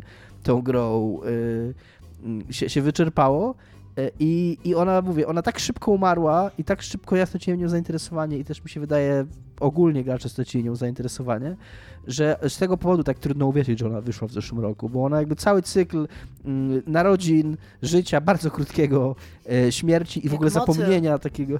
Słucham? Jak motyl. Tak, i całego tego w ogóle zapomnienia, ona już na tym etapie to jest jakaś taka zamieszła przeszłość, gra, o której już nikt nie pamięta. Jakieś tam jeszcze patrzę, czy update'y wychodzą, ale mm, no no jak na to, co wiemy, że People Can Fly y, umie robić, to no, zadziwiające to jest, y, jak, y, jak takim, takim piardem, takim ta gra się okazała takim... A ona też przy okazji nie miała takich dialogów, że bardzo często używali słowa as? Tak... Nie wiem. Okay. Nie wiem, ale, ale no, no mówię. Rozczarowanie i dla mnie i myślę dla wszystkich. Dla wszystkich. wszystkich. wszystkich. E, mój tata nawet jest rozczarowany. Jakby. E, więc to jest takie rozczarowanie. Dla mnie największym rozczarowaniem 2021 roku był PlayStation 5. E, pierwszy raz w życiu wskoczyłem na hype train i sprawdziłem sobie konsolę dosyć szybko. Może nie, nie, nie na samą premierę, ale na, no na początek jakby tego, tego cyklu. I, I o ile jeszcze rozumiem pierwsze miesiące, bo to jest konsola, która wyszła w 2020 roku, to, to ta susza, e, ta pustynia, która się działa na tej konsoli w 2021 roku, to jest masakra. Jakby to, to się dzieje w ogóle na nowych konsolach i, i Xbox ma to samo, e, ale Xbox ma swojego Game Passa e, i dzięki temu właśnie Xboxowi udało się spozycjonować się na takim, w końcu chyba, na takiej pozycji sprzętu do grania w domu, taki, taki, takiego centrum rozrywki. No, u mnie w domu to dokładnie tak jest, aczkolwiek na PlayStation 4 mam większość tych Netflixów and shit, więc czasami jeszcze je włączam, ale tak, Xbox a, i Game Pass. PlayStation tego nie ma, PlayStation tego nie ma. E, ta usługa PlayStation Now, tak? Chyba Plus. ona się nazywa. PlayStation Plus, y, no to jest śmiech na sali w porównaniu do Game Passa. To jest w ogóle. Muszę je usunąć, ogóle... znaczy, muszę zapamiętać, żeby dzisiaj usunąć. Znaczy, PlayStation Now też jest i to jest taka usługa streamingowa, z abonamentem właśnie w rodzaju Game Passa, z tym, że ona jest trochę czymś innym, niż ona jest taki bardziej archiwum, tam jest większość starszych gier, tam nie no, ma ale premier. PlayStation Plus to są w cudzysłowie darmowe gry co miesiąc, więc o to chyba chodziło. Eee, są jakby są osoby, które mówią, że PlayStation się kupuje dla um, ekskluzywów. No więc tych ekskluzywów było e, 7 dokładnie. E, w tym roku, z czego e, liczą się też tak, e, jako te ekskluzywy Astros Playroom, tutaj cytuję listę sporządzoną przez Bartosza Witoszkę na naszej grupie, Astros Playroom, które de facto jest tech demem, to jest, to jest super tech demo i tak dalej, ale to, to, to jest nadal tech demo, jakby, który pokazuje ci, jak fajny, jak fajny jest pad. Demon Souls, który jest um, e, remake'iem, e, Destructions, Destruction All Stars, e, czyli taka samochodówka, która ja słyszałem, że jest bardzo słaba, a nawet nie jest, jeżeli nie jest bardzo słabo, to wątpię, żeby to kogokolwiek... To, a to nie jest to taka moba jakby z samochodami, gdzie strzelasz jeszcze? Nie, to jest takie Destruction Derby jakby, y, okay. tylko takie super wyczynowe, że tam jeszcze w ogóle skaczesz, y, rozwalasz się, rozbijasz i tak dalej, co nie? możesz wyskakiwać z samochodu i skakiwać... Właśnie o to mi chodzi, że możesz tam też łazić i ogólnie tam masz zamkniętą e... arenę z iloma... No, no nieważne, no. Dalsze, dalsze te ekskluzywy to jest Marvel's y, Spider-Man Remaster, E, czyli kolejny czyli remaster, jakby, tak po prostu. E, I, I tutaj wchodzą takie trzy już uczciwe gry, czyli Ratchet i Clank, e, Rift Apart, Returnal i Sackboy. I, I jakby te uznaję, co nie? To są, to są de facto, kurde, trzy tytuły, które są y, ekskluzywami na cały 2021. I do tego jeszcze dołożyć to, że ta konsola jest przynajmniej dla mnie, dużo większa niż mi się wydawało, że jest, że ma problem z tym, że na Pen CD mm, głośno, DVD e, głośno działa w niej, czy Blu-ray w ogóle? Blu-ray właśnie, tak. Głośno CD, działa w niej. DVD, Blu-ray, szybka ewolucja zaszła w ogóle w że, no. E, że, pady, że pady miały usterkę e, techniczną, na szczęście mi się to nie trafiło, a może na nieszczęście, bo by wymienili za darmo, miałbym nowy.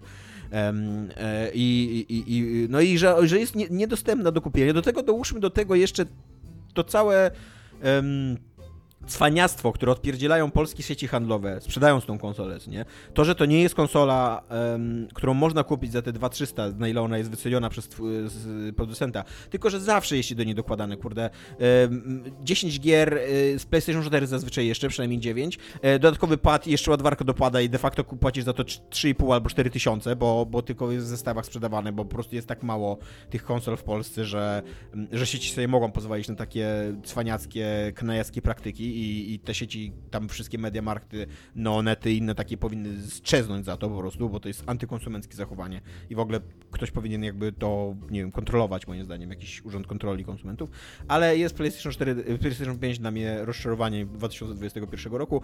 Wskoczyłem do hype trainu nowych konsol i nic z tego nie miałem. Poza tym, że, że tam uczciwie ogrywam sobie gierki z PS4, co nieco tam Mhm. dla mnie osobiście jest spoko, bo, bo nie miałem PS4 i na, na szczęście jest wystarczająco dużo gier, w której nie grałem, żeby, żeby czuć jakby, że ta konsola działa i, i jest w moim życiu, co nie?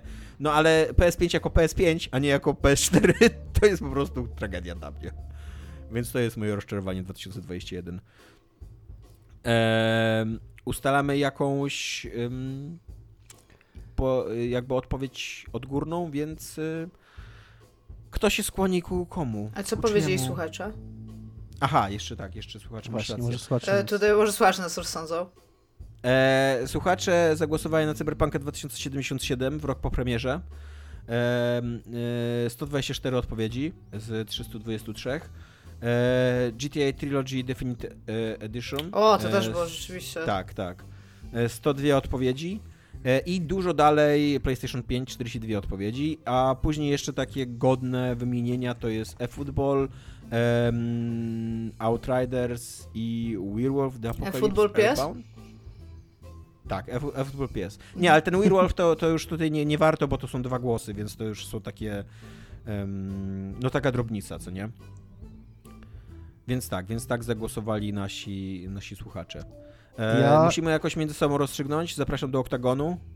Ja na pewno nie poprę Cyberpunka. E, jakkolwiek jest to gra, którą, którą jest modnie nienawidzieć i która jest w dobrym tonie nienawidzieć, to po pierwsze można by jej dać y, tytuł rozczarowania roku za rok 2019, jak najbardziej. Który dostała? 2020, przepraszam, za rok jej premiery. E, rozczarowanie roku polegające na tym, że gra, która była według e, mm, czyjejś tam opinii słaba na swoją premierę, wciąż jest słaba. Ja nie mówię, E, że jest to- słaba, ja mówię, że jest nieskończona, Dominik. Nie, to No jest, tak, ja, ja ale się tu zgadzam, że jakby i ale chodzi wciąż- o inne kategorie rozczarowania, że to jest gra w- po roku, Dobrze, ale uważam, że wciąż, uważam, że wciąż mówienie, że to, że ona jakby zasłu- być może zasłużyła mocniej na tą nagrodę za ten rok, kiedy wyszła, natomiast uważam, że teraz mówienie, że największym rozczarowaniem jest to, że ta gra wciąż jest nieskończona, nie ma na to mojej zgody i, i, i No to tutaj jest mówię masakra, że ona na, dosłownie powinna, jeżeli ona by wyszła w grudniu może... tego roku, to wciąż by miała bugi, bo nie jest skończona, Być aby, może- mia, aby miała rok więcej developmentu, stary. Być może tak by było, nie przeraża mówisz, cię w ogóle coś takiego? Nie przeraża mnie to, nie. Yy, Nie, to przeraża. możesz spać Mega. spokojnie, Dominik, czy ty możesz spać spokojnie? więc ja nie poprę tego. Jestem w stanie poprzeć PlayStation 5, gdyż Tylko po to, Xbox żeby uratować Cyberpunka, tak? Tak, Bo nie masz PlayStation 5. Nie mam PlayStation 5, nie, nie. Więc to jest moje... Ja No ja niestety, ja nie, nie, nie, znaczy niestety, no nie poprę Outriders, bo nie grałem w Outriders i też wydaje mi się, że y, stopień rozczarowania e, Outriders w porównaniu do Cyberpunka 2077 i tego, że to jest gra wciąż nieskończona, z czym ja się totalnie zgadzam i PlayStation 5 jakby jest niespółmierny, więc to musi być PlayStation 5, bo nie mogę zagłosować na twoje, Dominik, więc albo zagłosuję na swoje, albo na Iki. To ja zagłosuję na twoje totalnie, żeby ratować Cyberpunka, plus ja, ja lubię tą Ale to grę nawet- i... Ale i dude, Ja w u mnie w domu o to, lubisz. Cyberpunk się- 2077 jest, był przejścięty cztery razy, tak? To nie jest tak, że... Ja, ja mówiłam co więcej, że to jest naprawdę takie solidne 8 na 10, jeżeli byłaby skończona. Mnie, mi chodzi po prostu o, te, o to, że przez rok nie została skończona. Nie ja ma... nie ma planu na DLC, jakby. nie ja ma nic. chodzi o coś innego Jest niż cały ty. czas naprawianie Rozumiem. błędów. Ale nie muszę jej popierać wciąż. Dobra, tylko jakby ty nie możesz Ale żeby mojej narracji... moją, żeby ujebać tamtą, to już jest... Tak, bo ty, mi chodzi o to, że ty nie możesz przekręcać mojej narracji. Ja nie mówię, że ja jestem rozczarowana, że ta gra jest słaba. Ta gra nie jest idealna, nie jest rewelacyjna, Rozumiem. ona nie jest To słaba. być może, to być może jest, kurde, można, skończona. to być może można by to nazwać nieczystą zagrywką roku, ale moim zdaniem po prostu w definicji tej kategorii nie mieści się ta gra, bo ta gra nie wyszła w zeszłym roku i nie można ją nazwać najbardziej rozczarowującą grą z zeszłego roku. To jest moje... Nie, ale moje, ja tutaj... mo, to jest największe rozczarowanie roku i moim największym rozczarowaniem jest fakt, że ta gra nie została skończona, po prostu, nie no, tyle. To w tej, tej kategorii rozumiem, nominujemy gry, które zostały, tutaj będę e, Ja bym chciała przypomnieć, naciskał... że ludzkość dostała raz tą nie, nagrodę. Nie, nie, nie, to jest nieprawda, bo ja na przykład konsolę nominowałem, więc to w ogóle nie jest kategoria do no gier. tak, masz rację. Fuck. I ty też zamierzasz zagłosować. Jeżeli byśmy się trzymali twojego rozumienia, to ja zagłosuję na Cyberpunka. Fuck. Dobra, PlayStation 5, koniec ja tej... nie mam nawet super dużego problemu z PlayStation. Ja nie mam PlayStation eee, 5, ale widząc, co się tak? dzieje na rynku i że tam nic nie wychodzi, to ja bym... Jakby jest powód, dla którego ja nie kupiłam tej konsoli.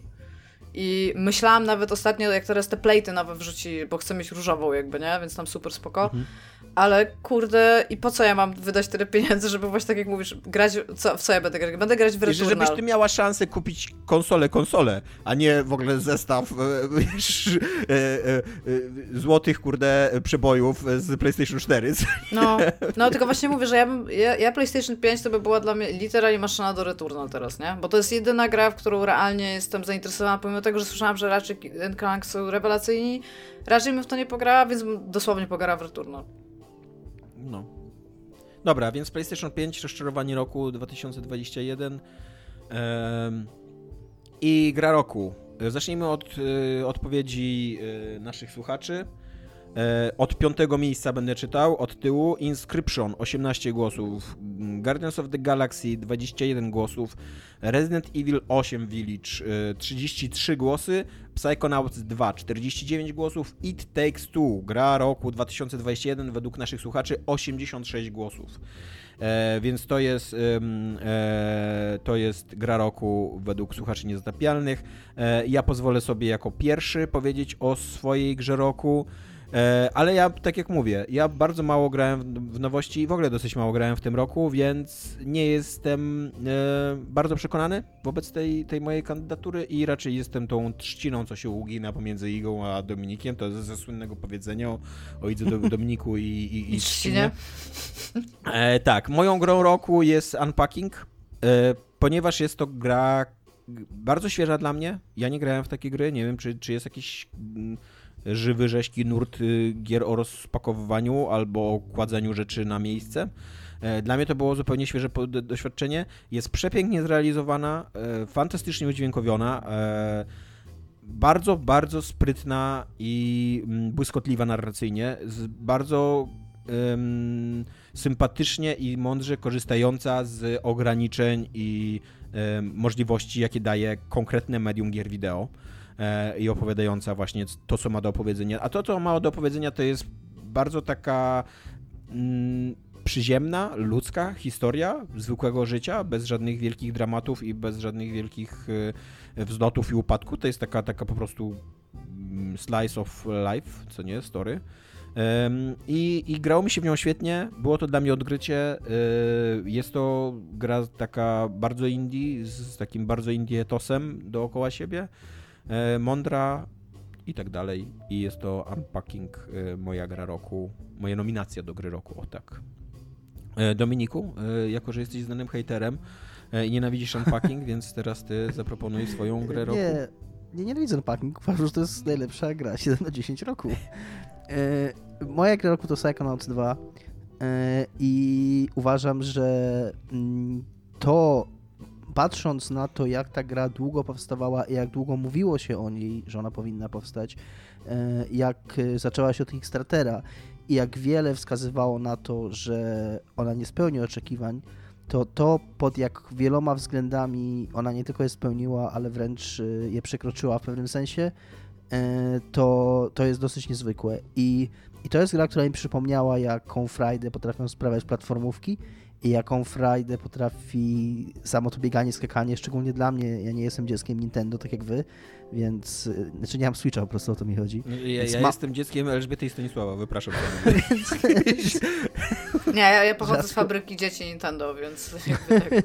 więc rzadko grywam w takie gry, a tutaj to y, y, platformówkowanie i skakanie to było coś, co mnie tak na pierwszy rzut oka najbardziej uderzyło, bo ja próbowałem parę razy do Psychonauts 1, e, podchodzić, jakkolwiek e, szanuję tą grę i zgadzam się e, ze wszystkim, co zostało o niej powiedziane i napisane, to uważam również, że się, się w nią dosyć kiepsko gra, że to platformowanie i skakanie w niej jest dosyć mało takie zwarte, a, a w dwójka jest fenomenalnie lepsza pod tym względem. Du, dużo jakby tak ten feeling całego biegania, skakania yy, był dużo przyjemniejszy dla mnie, a jednocześnie fabuła, świat, postacie, żarty i również to, że to, że ta gra zrobiła mm, i to uważam, że jest taka dodatkowa taka wisienka na torcie do tego wszystkiego, co powiedziałem, bo jakby e, ciekawej fabuły i, i, żartów zabawnych i postaci to się wszyscy po Teamie Schaeferze spodziewaliśmy i dostaliśmy je i super, jakby nie zawiódł absolutnie, ale jednocześnie to jest gra, która mm, e, zrobiła coś, o co, nikt nie, o co nie wiedzieliśmy, że, że chcieliśmy. E, mianowicie twórcy y, jakby zadali sobie trochę pytanie na temat etycznej strony tego, co, co robią bohaterowie tej gry, e, czyli to, że oni w pierwszej części po prostu wchodzą innym ludziom do głów i ich manipulują, więc tutaj po pierwsze ta druga część porusza ten temat i jakby pojawia się wątek zgody na to, że, żeby wejść do czyjejś głowy, co uważam, że jest jakby fajnie, że ktoś o tym pomyślał i że ktoś o tym powiedział. I jednocześnie w bardzo taki empatyczny i inteligentny sposób mówi o problemach psychicznych, nie zamieniając się jednocześnie w jakąś, w jakiś taki wykład, czy w jakąś taką wiecie, w jakiś taki mm, tylko, tylko pogadankę, jakiś taki moralitet, jest wciąż super fan grą, ale jak się, jak się spojrzy na to, jak przyjrzysz się, o czym tak naprawdę ona mówi, a, a mierzy się i z PTSD, i z alkoholizmem, i z jakimiś y, maniakalno-depresyjnymi zaburzeniami, y, jakim, to, to wszystko tam jest, ale jest w taki bardzo inteligentny sposób, często w tak bardzo pod, mm, pod powierzchnią E, przemycane i w level designie, i w tym, co, e, co widzisz, niekoniecznie co ci mówią. E, więc, więc jest to jednocześnie gra bardzo zabawna i bardzo z, tak, z takim, takim z ostrym humorem, a jednocześnie z takim bardzo wrażliwym i empatycznym i inteligentnym sercem. I uważam, że absolutnie jest to moja gra roku. Iga, twoja? Ja jako grę roku a podałam Inscription który, o którym już się wypowiadałam, więc e, no jakby nie wiem, czy mam powtarzać swoje własne argumenty nie, nie. w związku z tym, ale no jakby jestem gotowa i otwarta do dyskusji e, na temat gry roku. Tak, ja natomiast y, bardzo chętnie bym zagłosował na Inscription. Ja bym y bardzo chętnie zagłosowała na Psychonauts 2. Ale nie. Iga, Iga. Ja powiem, ja nie? powiem dlaczego... Dominik, nie, nie, nie, Dominik. Ja, ja powiem, to ja może powiem, dlaczego nie Inscription, moim zdaniem. Yy, yy, gdyż jakkolwiek uważam, że ta gra zasługuje na fan i to jest super gra, to też yy, jednak uważam, że ta gra ma problemy. Po pierwsze, ona jest jednak dużo lepsza na początku niż później. Im dalej w nią, tym ona coraz bardziej jest taka na szynach. Tej karcianki jest coraz mniej i coraz mniej jest grania. Jeszcze w pierwszym, drugim, w cudzysłowie, akcie ona cały czas jest taką trochę mm, trochę udawaną karcianką, bo ona w pewnym momencie ci mm, jakby daje tak przegięte karty, że co, nie wiem, co byś, choćby nie wiem, co byś zrobił, to i tak przejdziesz dalej, bo jakby twórcy zależy na tym, żebyś ty szedł dalej i te jego sztuczki wszystkie oglądał. Więc to nie jest taki na serio roguelike karcianka, ale jeszcze w tych pierwszych dwóch aktach ona dosyć tak y, sprytnie, przynajmniej daje ci na miastkę tego, takie wrażenie, że, że ty coś tam robisz, a już później to, to jest bardzo na szynach y, i, i te późniejsze akty już tak ta, ta, ta, ona tak idzie w dół mocno, moim zdaniem. Ten, ten pierwszy y, dom, w którym masz połączenie karcianki i escape roomu, to jest super. Drugi, moim y, to co ona robi, to... jak był bardzo solid.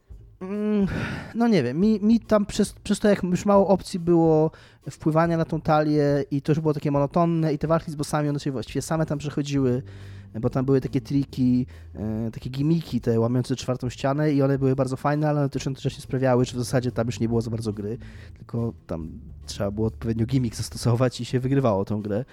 E, I koniec końców ja, ja nie uważam, żeby ta gra zasługiwała na tytuł gry roku. To jest, ja fajny, muszę... to jest fa, fa, fajny fan, fan, fajna fan rzecz i fajnie, że powstała, ale... ale no, ja bym chciała powiedzieć, że Psychonauts 2 poza tym, co jeszcze właśnie powiedział Dominik, co właściwie tylko tak yy, le lekko liznął, historia, którą mówi Psychonauts 2, w ogóle historia, jeżeli chodzi o Raza, jego rodzinę i wszystko, co się ma tam z tym do czynienia, a biorąc pod uwagę to, co się stało i to wiemy z tam jakby z pierwszych Psychonautsów, jak się grało, to to tak fenomenalnie domyka kilka po prostu takich bardzo ważnych pytań, które stawiają Psychonauts 1, że to jest taka naprawdę też przy okazji, to jest, to jest potrzebna i dobra druga część gry. To nie jest. Ja mam taki problem z Psychonauts 2, że wszystko co ja wiem o tej grze, grałem w nią tylko trochę niestety na początku, bo taki miałem problem, że nagrywaliśmy już tego, um, nasz program nagrywaliśmy o Psychonauts, więc trochę się znudziłem podczas tego jakby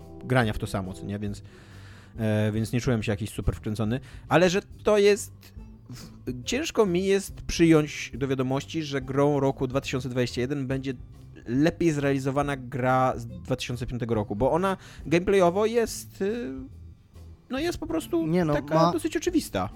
Ma dużo fajnych rzeczy, dużo fajnych sztuczek formalnych, dużo fajnych pomysłowych leveli. Jest cały level zrobiony na przykład w rodzaju programu kulinarnego. E, tak, jest, musisz, ale też masz levele, masz, tak, gdzie masz tak biegasz jakby... 2D po książkach. Tam w sensie, tak, tam, tam się dzieją ta... rzeczy. Tam no tak, ale rzeczy. jakby to nadal jest, y, z tego co rozumiem, dosyć klasyczna platformówka. Jakby to się.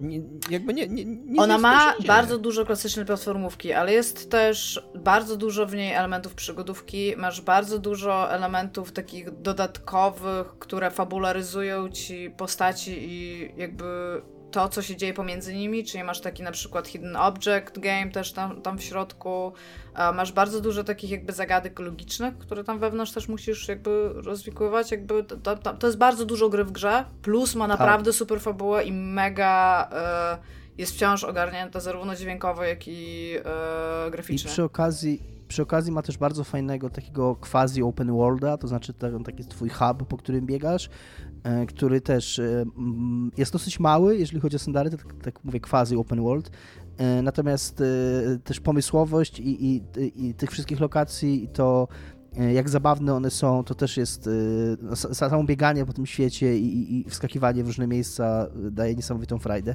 I no takie, można to wszystko zredukować, jasne, że to jest po prostu platformówka, no ale no nie możemy oczekiwać, że każda gra roku to będzie zawsze kurna zabawa formą i, i, i, i definicją gry, tak jak Inscription i jakimiś takimi sztuczkami formalnymi i trikami, no bo wiesz, no ja bym, trochę, trochę... Nawet moim zdaniem w ogóle, Iga, ale no, Psychonauts czy, 2 ma to do siebie. Czy młodość, świeżość Inscription, czy, czy starość i, i Tomek, ty tak bardzo, tak bardzo nie ty tak bardzo nie chcesz mnie poprzeć Nie, ja powiedziałem, że Iga decyduje. Mi się bardzo podoba, że, że Tomek chcesz... realnie nie chce platformówki, więc woli karciankę. Może... Więc woli karciankę, no właśnie. Nie, bo y, y, tak, jakby tak, bo ta karcianka wydaje mi się robi ciekawe, fajne rzeczy. Tak, ale Psychonauts też.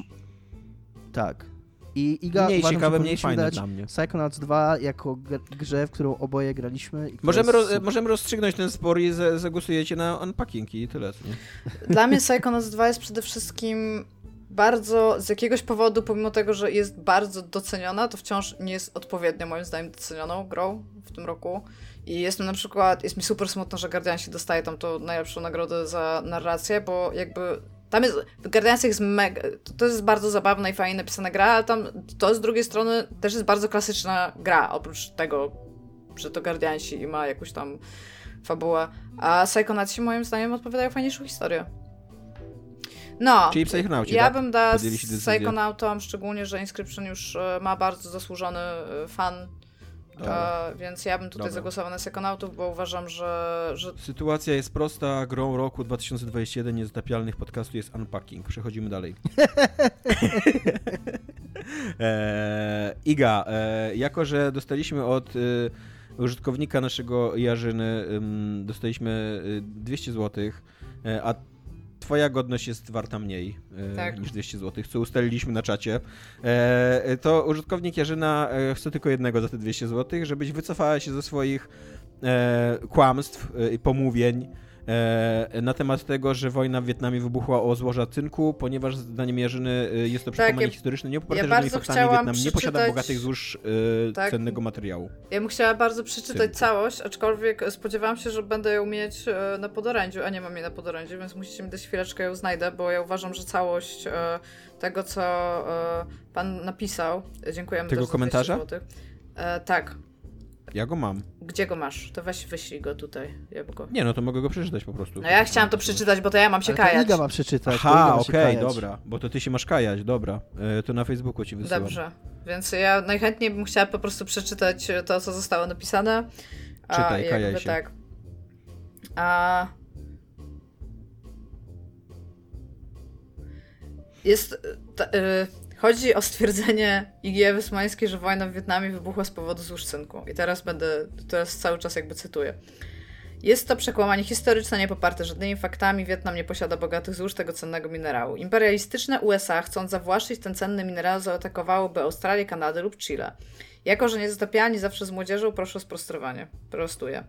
A, I nie chcę, żeby jakiś badacz historyczny za 500 lat być może odsłuchał naszego podcastu i będzie traktował to jako jakikolwiek e, materiał historyczny, więc również dlatego to robię. A wojna w Wietnamie, tak jak inne wojny, na przykład pierwsza i druga e, wojna w, w Iraku, Wybuchła w celu szerzenia demokracji, dobra równości, niezaprzeczalne są to fakty. Chyba każdy z nas grał w serię realistycznych gier o nazwie Call of Duty, gdzie wydarzenia historyczne są pokazane w bezstronny sposób. I wiecie dlaczego? Bo świadczy o tym realistyczna grafika. I jakby tak, jakby okej, przepraszam. Jakby, Nie mamy nic do dodania. tak, ja po prostu przestanę mówić rzeczy jakieś i, i wszyscy świat będzie lepszym miejscem. Dziękujemy za 200 zł. E, jak? Dziękujemy wszystkim, którzy nas wspierają Tak. e, i tym, którzy nas nie wspierają, ale słuchają też. Tak, również.